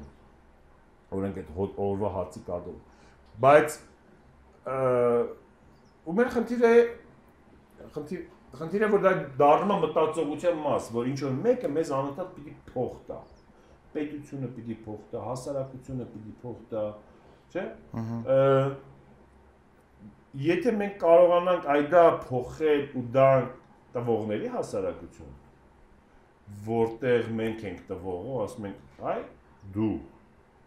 մենք ես տալիս եմ դու պետքա այս ապահովես իմ համար այս պիտի անես դու արդեն հասարակությունը սկսի փոխվել եւ ժողովրդավարության խնդիրները ժողովրդավարության բազմաթիվ խնդիրներ կարծում եմ կոնե կմինեն լուսման ճանապարհի մեջ մտնել համաձայն այսօր մենք ակնկալող ենք Այսօր մեկ ակնկալող ենք։ թե մեր հարկային համակարգն է այդպեսին, հարկային գաղափարախոսությունն է տեսքսի։ Ախր գիտեք, այդ այդ մասը շատ լավ եք ասում։ Օրինակ Հայաստանը հարկատուների աշխատակիցների մեծամասնությունը իրանք դաժե չգիտեն իրանք ինչքան հարկ են տալի, որովհետև գործատուն իր հետ խոսում է իր մակրո net seller-ին։ Ու շատ գործատուներ ասում են այդ հարկը մենք ենք տալի։ Այս բուկվալնը 4 օր առաջ այդ խոսակցությունը մեր գործընկերներից մեկի հետ հաշվա իր հաշվապահի հետ դրա մասին խոսում եմ այսքան հարկ ենք տալի աշխատողին։ Ասում դու որպես հաշվապահ տենց բան իրավունք չունես ասելու։ Այդ դու չես տալի։ Այդ քո աշխատողն է տալի, բայց քանի որ պետությունը չի վստահում նա քաղաքացուն այդքան որ քաղաքացին ինքնակամ կտան այդ հարկը կտա, ինքը քեզ գործատուին ասում է իմ փոխարեն դու հավաքի այդ հարկը քո աշխատակիցներից ու փոխանցի ինձ։ Հա, բայց դա բոլոր բոլոր երկրներում էլ է դա, այսինքն գործա գործատուի վրա է դրված այդ հարկը գանձերը փոխանցել։ Ոչ բոլոր։ Բոլորի, նույնիսկ երբ ովքեր ունեն հայտարարագիր, այսինքն Միացյալ Նահանգները օրինակ եմ որտեղ հայտարարագիր ես ներկայացնում, ըհը, գործատուն է այդ հարկը վճարում։ Դու չես տանում վճարում։ Հա։ Վերջում դու անում ես ճշկրտումները, ինչ ծախսեր ես արել եւ այլն եւ այլն tax-ություն ես տալու։ Բայց գործատուն գանձում է ինքը։ Այսինքն այդ գանձումը ուրիշ կտոր է, գանձումը դա հեշտության եւ այսպես ասած արդյունավետության խնդիր է։ Հա, կամ ավելացված արժեքի հարկը մարդկանց մեծամասնությունը էլի չեն պատկերացնում, որ այդ ավելացված արժեքի հարկը իրանք են տալիս, ոչ թե բիզնեսը։ Բիզնեսներն է դա չեն պատկերացնում մի մասը, որ բիզնեսը ֆիզիկական անձանցից այդ գումարը հավաքում է, հետո փոխանցում է պետությանը։ Հիմա այդ դա առանձին մի օր կարելի է դրա մասին խոսել այդ տվողների ու վերցնողների անպայման, անպայման եւս հասարակություն, այսինքն ինչպես անենք, որ մեր հասարակությունը դառնա տվողների հասարակություն։ Դա տանենք այ 1000 դրամը այդ սովորացրել է մեզ։ 1000 դրամ ախպեջ։ Օրինակ գիտեմ, որ հասարակության մեջ միանշանակ ընդունված կերպար չի կամ գործից չի, Սեյրան Սարոյանը, պարոն Սարոյանը, որ առաջվա պաշտպանության նախարարը։ Չէ, Սեյրան Սարոյանը, ոչ Սեյրան Լովանյանը։ Հա, կներեք։ Գեներալ Սեյրան։ Հա։ Մի արտահայտություն արեց, երբ որ այդ օրենքը գրած, 1000 դրամ ասում են, դա կոֆեի փողը։ Մենք մտնում ես մոմես վարում ժամ։ Դա ինքը իր այդենց ավելի པարզ լեզվով ասեց եւ այլն, ասում կոֆեի կամ մի հատ Եկեղեցում իմացեք մի հատ մոմ եք վառե այդ ամիս։ Դա էլ այդ զինվորների համար ձեր վառած մոմի գումարն։ հա։ Պարզա ինքը։ Հավաքագրումը պարզա, բարդ հաշվարկներ չի ենթադրում ու շահառուներն էլ են պարզ։ Գնում է այս մարդկանց։ Ուրիշ մարդիկ չեն կարա մտնել։ Ուրիշ մարդիկ դրան չեն կա, ուրիշ նպատակներ չունի։ Ու սա նաև սա պիտի լինի մեր կարծում եմ հարկային համակարգի գաղափարը։ Ու շատերը այն ժամանակ ասում են, ո՞նց անենք, որ այդ պլյուս այդ 1000 դրամից մի հատ էլ 1000 դրամ մեր կողմից տանք։ Ու մենք ստեղծեցինք այդ բաները, որ մարդը կարողանա էքստրա 1000 դրամը ամեն ամիս փոխանցի, կամ էքստրա 5, 10000, ինչքան ուզում։ Ինչքան ուզում։ Բայց 1000 դե մարդ կա մենք 17 թվականի հունվարի 1-ից ցայսօր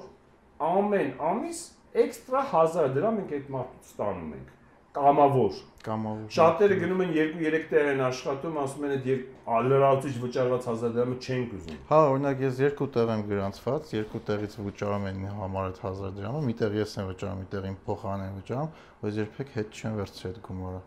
Չնայած ամեն ամիս հարկանից նամակը գալիս է։ Որտեղ parza դրած այդ բանը։ Հիմա նույնը տեղ պիտի, այսինքն որպեսի դու ձևավորես տվողների հասարակություն պիտի ունեն parz հասկանալի եւ դրա շահառուները փորձես հասկանալ թե ինչի վրա է այդ շահառուներին Այդտեղ արդեն կարող ես երևի թե էլի վերադառնալով ի շրջանս յուր կարող ես ձևավորել եթե պետք է իհարկե, եթե գտնում ես որ դա անհրաժեշտ է, ըհը չեմ պնդում ես, բայց եթե մարդիկ կան, որ իսկապես մարդը գերագույն արժեք է։ Որտեւ այդ դիսկուրսը հիմա մեր հասարակությունում ընդունվել է, սկսել է, որ մարդը գերագույն արժեքը դա սխալ դիսկուրս է։ Այդ դիսկուրսը կա, բայց քանի որ այդ դիսկուրսը սկսողներն ու բարձրացնողները ոչ բոլորի կողմից են միանշանակ ընդունվում, տարբեր պատճառներով, այդ դիսկուրսը ցավոք սրտի խեղդվում է ինչ հա։ Տարբեր օբյեկտիվ եւ սուբյեկտիվ պատճառներով, բայց այդ դիսկուրսը պետք է ինչպիսի ինչպիսի հասարակություն ենք ուզում, ինչպիսի պետություն, ինչպիսի քանի որ ես իրավաբան, ինչպիսի օրենքներ ենք ուզում։ Ահա։ Ու այդ օրենքները ոնց է արտացոլել մեր ամենօրյա ապրելակերպը։ Որոնք հա փորձելու ինչ որ սովորություններ փոխի։ Շատ շնորհակալություն ձեզ զրույցի համար։ Անպայման մի անգամ եք կհանդիպենք այդ տվողների մեկի վերցնողների գաղափարը ավելի մանրամասը քննարկենք, հա։ որտեղ շատ հետաքրքիր գաղափար առաջ քաշեցիք։ Հուսով եմ ամեն ինչ լավ կլինի, շուտ է կրիզիսային իրավիճակից դուրս կգանք բոլորս։ Նմանապես, շնորհակալություն։ Ձեզ շնորհակալություն։